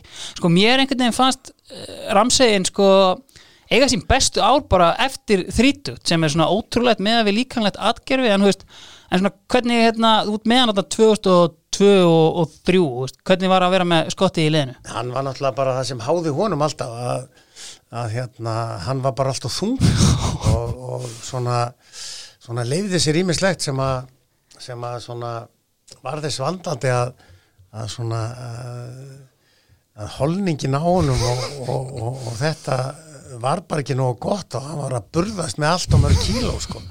Það var alltaf ákveðin tímabil hérna í, í, í Grindavíka sem hann æfði alltaf í svörtum ruslaboka sko, til, a, til, a, til að svitna meira og ná á þessi kílónu sko. En, en, en eh, hæfileikar hans sem knaspinum hans og, og, og, og augna indit tæknilega séð hann alltaf bara frábært og og, og, og hann alltaf bara ríkalega flottur gæi í þessu í, í, í, í þessu grindaðu ykkur liði. Einmitt, bara sterkur karakter í klefanum og svo leiðis Já, já, hann var alltaf lífið kringu Algjörlega. Það er stundum svona svolítið æstur Einmitt, erðu, og hver lokar þá síðan liðinu hjá þér? Það er, er Tryggvi Gummarsson það það er bara gæin sem að jafnaði markamettið þarna 97 mm -hmm. og um, hann, hann er eitt sá svona hann, hann er líka einn af þessum leikmannum sem eru svona direkt á markið og stundur svolítið sjálfsærskur sem betur fer því að, því að það þurfa sendirar að vera mm -hmm. Og það, það er stundum þannig að mennirnir eru pínusvektir í kringum þegar hann gefur ekki bóltan en, en hann hann, hann hann lokar þessu liði hjá mér og, og, og Tryggvi er, er svona þetta ár sem ég þjálfa það var það var hérna uh, mjög skemmtilegt mm -hmm. fyrir bæði mig og hann og líka það sko að uh, sko að kannski ég nú nefnt þetta áður í einhverjum viðtölum að Vestmanneikandi spiluði 4-4-2 mm. uh, ári áður en ég kem. Og þegar við erum að æfa hérna um veturinn í reyðhölluna hérna í bænum sem að voru þá bilding fyrir knaspilnumenn að, að hérna æfa í að þá sá ég það alltaf að tryggja sko hann, hann, hann, hann drósi alltaf tilbaka svona að maður spila fjóra og fjóra og fimm og fimm og vildi fá boltan og svona sko. Og, og hérna svo segi ég einhvern veginn að tryggja sko að hann sé enginn sendir. Nú saðan ja, mér finnst nú, nú koma svolítið mikið tilbaka og fá boltan og svona og, og, og til að gera langa sögust auðvitað þá spilaði hann bara á vinstri kanti. Og eins og ég segi með svona fljótandi sendir. Og það sem að var góða við hann í þessari stöðu var það að hann var alltaf mættur í boksi sko. Já, já, mættur á fjær Alltaf á fjær eða stundum að nær og stundum í miðjan tegin og hyrti frákostinn og veist, hann var ekki þessi kantma sem var bara í kantin mm. og ég held það að, að þetta var til þess og hann var miklu dugleiri leikmaður einhvern veginn mm. að var til þess að, að hann eða þetta ár og þessi öll þessi mörg var náttúrulega til þess að hann er seldur Mm. og, og þar fer hann í norska fjóri þrý þrýr og blómstrar í því kerfi sko. Mm. þó svo hann hafi fært sig svo í sendirinn eða tíuna svona eh, á setni árum að þá, þá hafði hann hennar hæfileika til að spila allar stöður sko. Þetta er einmitt gaur sem að ég hef hérna, alltaf verið með hennan þátt í, í dágóðan tíma og menn svona ímist kvartað eða rósa undan svona keppniskapinu sem þetta staðar en þú veist, maður getur svona ímynda sér bara draumur hvers þjálfara, gæði sem að veist, leggur endalaust á sig og, og krefst bara, veist, sem ég bara eins og annar þjálfarinn á vellinum að, rekka menn áfram. Já, já, hann, hann, hann það var mjög gaman að, að, að þjálfa hann og hann var náttúrulega bara á þessum árum var hann náttúrulega bara hresssprækur og fínu standi og, og, og, og hérna elskaði fótboltæðin sem hann hefur alltaf gert og, og hérna gríðalegu passjómaður. mm algjörlega, vel herður náttúrulega þarna en uh, það er svona sem fór ekkert að há honum sko. en ef við hérna ég meðan fyrir maður kannski slá botnin í þetta en það er svo sem á nógu að taka við förum bara aðeins í stjörnuna sem þú tekur við þarna fyrir tímabilið 2008 í fyrstu deildinni sko þú tekur þarna við stjörnunni og fyrir mér á þessum tíma er stjarnan ekki fótboltaklúpur, þú veist, þetta eru í handbolta og með frábært kvennalið í handbolta og annað en þú veist, hvernig svona var að koma inn í, í stjörnuna þarna á, á þessum tímabili? Það sko, sko það sem myndi mig þegar ég kom inn í stjörnuna, það sem að heillaði mig við það var svona, þarna sá ég möguleikan á árangri Já, og búa til ímislegt. mhm, Það sem heillaði mig líka var að þarna voru strákar á góðum aldri, myndi mér nefnilega svolítið á tindastól, sko.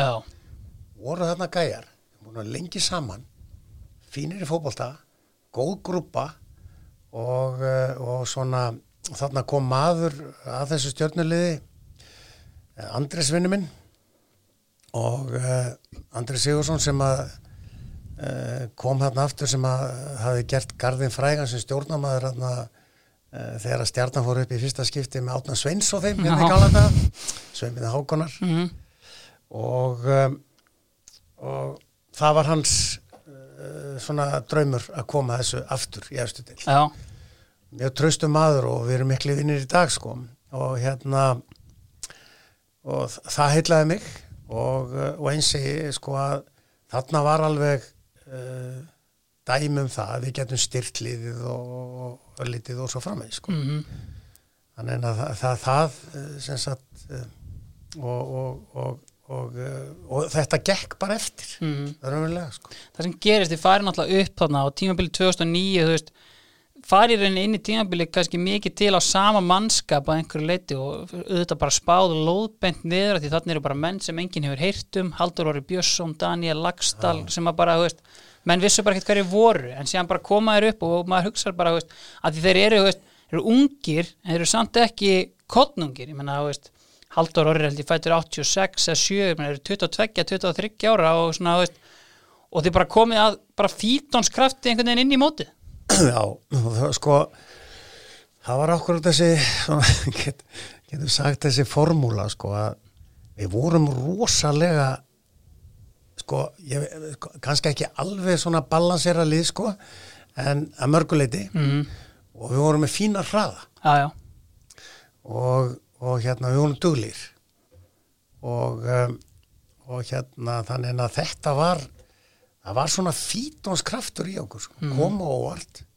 Og ég held bara að við höfum verið í öðru sæti eftir fyrri umferð. Já, uh, þarna fyrsta árið. Og með einhver 21 eða 20 stig ég held að við höfum enda með 27-8 Já. þannig að þetta sprakk svolítið í lokin og, og náttúrulega leikmannahópurinn ekkert, ekkert rosalega breyður þegar bönnin komu og, og, og, og hérna og, og svona öllítið meðsli sko það og náttúrulega dróðsóldi úr svo kannski voru menn bara pínusattir en en, en, uh, en uh, þróun stjörnunar eftir þetta og, og árin sem að ég er þarna við komumst nú í byggarúsleituleik og, og náðum að stabilisera liðið í dildinni en, en náðum samt ekki svona, náðum ekki Evrópukeppni en eitt slíkt og, og ég er svolítið svektu með það en, en, en, en eh, frábær ár sem að, fimm ár sem ég átti þar. Sem einmitt síðan þú kemur inn á þú veist, þetta er bara sami kjarni í rauninni sem verður þarna Íslandsmeistari þó með góðri innspýtingu frá Danmörku þú, veist, þú sást þetta, það var svekkjandi að fara frá stjörninu á 2012 Nei, ég held ekki, ég, eins og ég segi maður, maður er búin að vera þannig í fimm ár mm og, og taka svona svolítið til eins og ég hef oft sagt sko að návi manna þjálfara sem þurfa að gera kannski mikið sjálfur -hmm. eins og við þurftum á þessum árum að þá, þá svona þá kemur auðvitað svona uh, ég, ég, nú er ég búin að gera nóg hér skilur Mm -hmm. Ég til dæmis uh, sko og, og við erum að ná líka svona svolítið strákun tilbaka í stjörnuna sem voru í stjörnunni Vist, Garðar Jó Já, kemur já. tilbaka hann er markaðistur mm. þetta árið held ég eða þarna síðast- 2012 12 Já. sannlega og, og, um, og á ferlinum hef ég átt fjórum sinnum hafa leikmenn mínir verið markaðistir í deildinni sko, sem hann er mjög stoltur af. Mm og um, að þarna var svona komið svona meira svona þegar stjörnustrákarnir voru í atvinnum að koma þér heim til að fara í stjörnuna. Frekar en Káar ah, frekar en eitthvað annað. Veigar kemur tilbaka Mhm. uh, Gauji Bald kemur tilbaka veist, þetta er svona og svo að þarna á öðru ári held ég í stjórninni þá fáum við Henrik Böttger.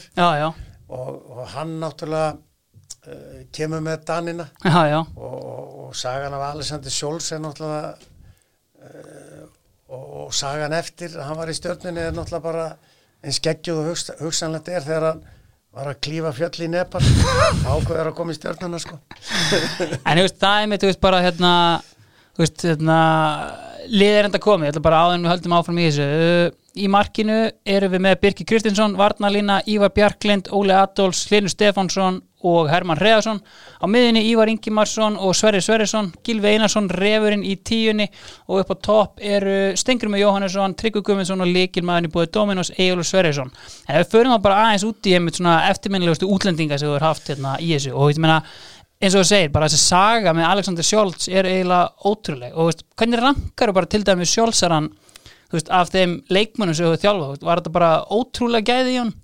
Já, þetta, sko, sko, mér fannst hann aldrei svona, sko, mér fannst, Alexander Scholz er ekkit rosalega fótboltalegur. Nei, nei, og uh, ég held að hann, hafi, hann kom mér jafn uh, á óvart og öllum öðrum. Já, og að þessi leikmaður skulle hafa spilað einhverja ólingalandsleiki þegar hann kom hingað og var að pæli að hætta að spila fótbolt já, að, að, og við vorum búin að djöblast í honum sko, eða Henrik var búin að djöblast í honum eh, um haustið og svo bara allt í hennu færa ringingu í februar sko, lok februar eitthvað svoleiðis að hann sé til í að koma já, það var náttúrulega ekki spurning að taka hann og, og þetta var fyrir tímabilið hvað 2012 Já. ekki? og hérna hann tvítu sko Já, hann er tvítur, Já. pælti því og svo þegar stjarnan selur hann sko, þá selur hann til Lókarinn og svo til Standard Já. og, og núna var hann að spila bara mestar til að leiki með Midtjúland sko. Já, bara Anfield. Skora og, til Liverpool sko. Einmitt, Þetta er náttúrulega mögnuð saga.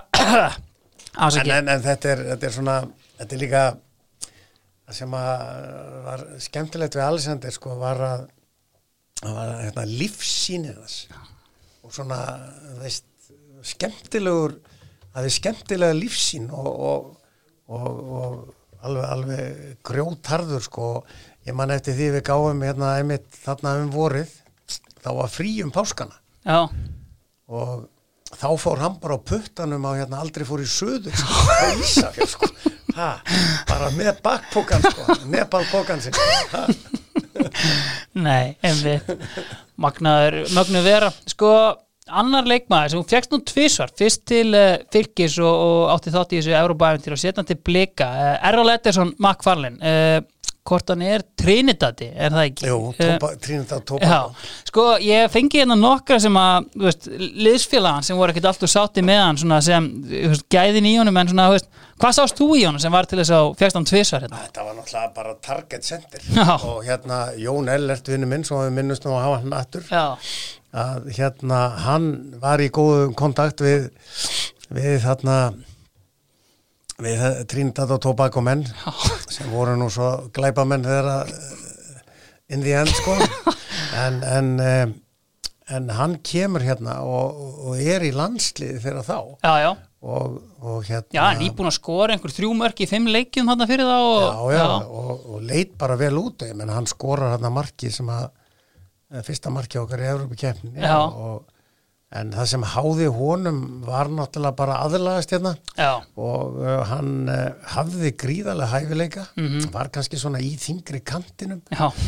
En, en svo þegar við ákvæmum að taka hann til breyðarbleiksu sín tíma þá þá, þá var þetta þannig að við, ég vissi það að hann væri ekki í góðu standi. Mhm, og um, og hérna en, en alveg klárlega sem sagt taldi ég að ég gæti bara komið honum í alveg stand og myndi bara æfa eins og maður en svo mittist hann aftur og gati ekki æft og gerði ekki þetta og, og svo, svona þannig að það var svolítið endaslegt sko. Já. og ég skil að menn hafi verið svolítið svona pyrraðar á því að og ég held kannski mikið upp á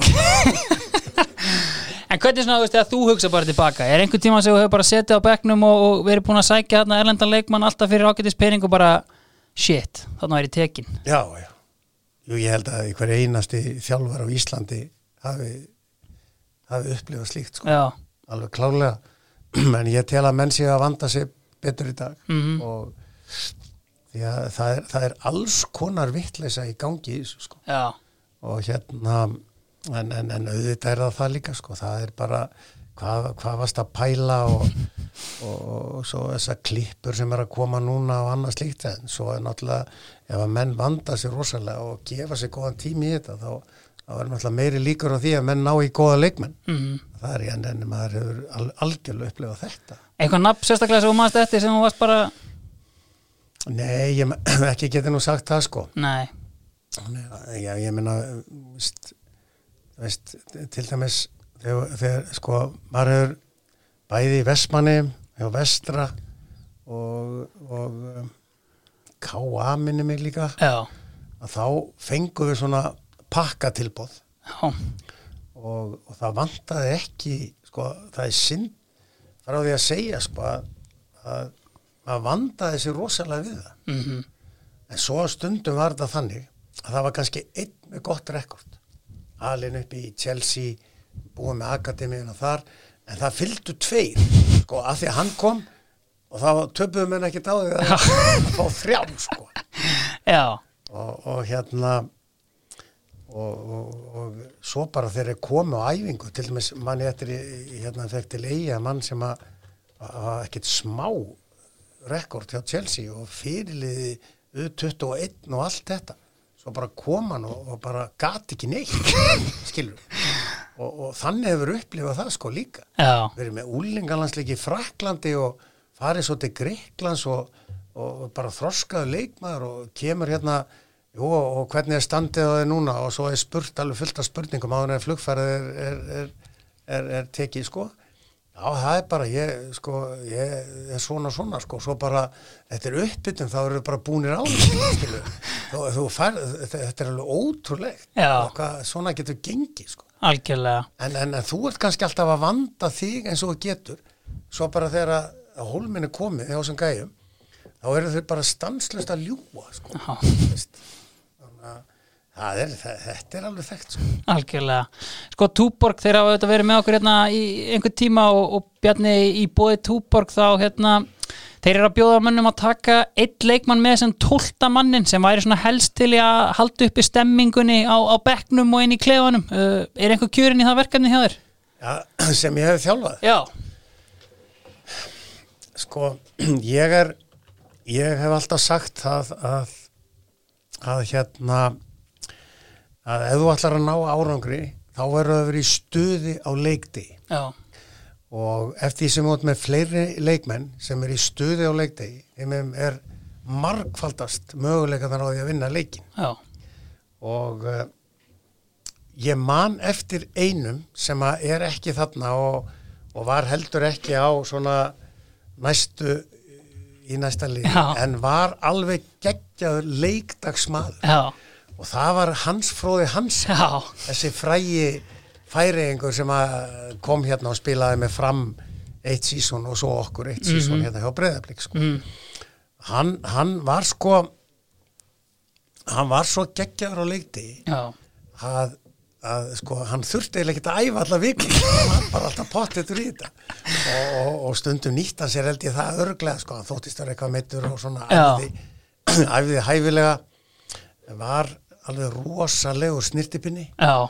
Og, og Já, hvort hann var ekki orðin vestlunarstjóri bara í kúltúr og eitthvað hann á tímabili? hann, hann, bara, hann, hann var að hanna sinn eigin eigin, eigin hérna, hérna ylvatn og Já. ég veit ekki hvað, hvað. En hann á leikdegi var hann bara kom bara inn í klefan lamdi allt áfram og bara inn á völlin og bara og, og, og, og líkil maður í, í liðinu hjá okkur hérna sem að fór og ósigrað. Og að tablast upp úr, upp úr, Fyrstu deildinni? Upp úr fyrstillinni Algjörlega, Hans Fróði Hansens á 12 í bóði Túborg 2,25% og kannski bara svona í blá lokin, ég hef svona spurði loga að þessu, var einhvern tíma svona leikmaður í deildinni sem var svona the one that got away hjá þér? Einhvern svona sem þú bara horfðir í? Ég hef lemmis oft sagt að sko að Heimir Hallgríms það er engin leikmaður sem hann elskar meira en Haukur Páll Sigursson, hann reynda að fá hann á hverju ári. Er einhvern svona leikmaður sem þú varst svona þú fóst í eitthvað lið, er ég verða að fá þennan. En náður hann aldrei einhvern veginn? Já, ég held að ég hef spurt mjög oft um alla viðar. Já, og, hérna uh, held að það sé svona að því að þú skrifar þetta nú í gæra en ég er búin að hugsa þetta tilbaka sko. Og um, ég held að já, já, við, ég hef sem sagt, eða mitt lið hefur oft reynd að ná í hann eða spurst fyrir um mann og, og hérna, hann vann þarna í sportörveslun sem var með úlsport þegar við vorum með stjörnunni. Já, og maður þurfti ofta að leita þangað og ég held ég að við spurt hann hvert einasta skipti sem kom í búðuna hvernig gengur hjá FH en hérna en ég held að það sé svona leikmaður sem að ég hef oftast hugsað að myndi passi mitt lið. Já. að sem sagt á þessu. Það er bara helviti skemmtilegt svar. Sko, Bjarni, uh, ég er tæmtur, er eitthvað meira, er ég að gleyma einhverju hérna? Búin að sitja hérna í tvo klukkutíma á korter? Já, nei, ég veit það ekki svona ekkert, ekkert svona Nei, eru við ekki bara fínir það? Jú, ég held að við séum bara, bara mjög góður Bjarni, ég ætla bara að þakka kærlega fyrir komuna í draumalið. Þú ert að hlusta draumalið í bóði lengjunar.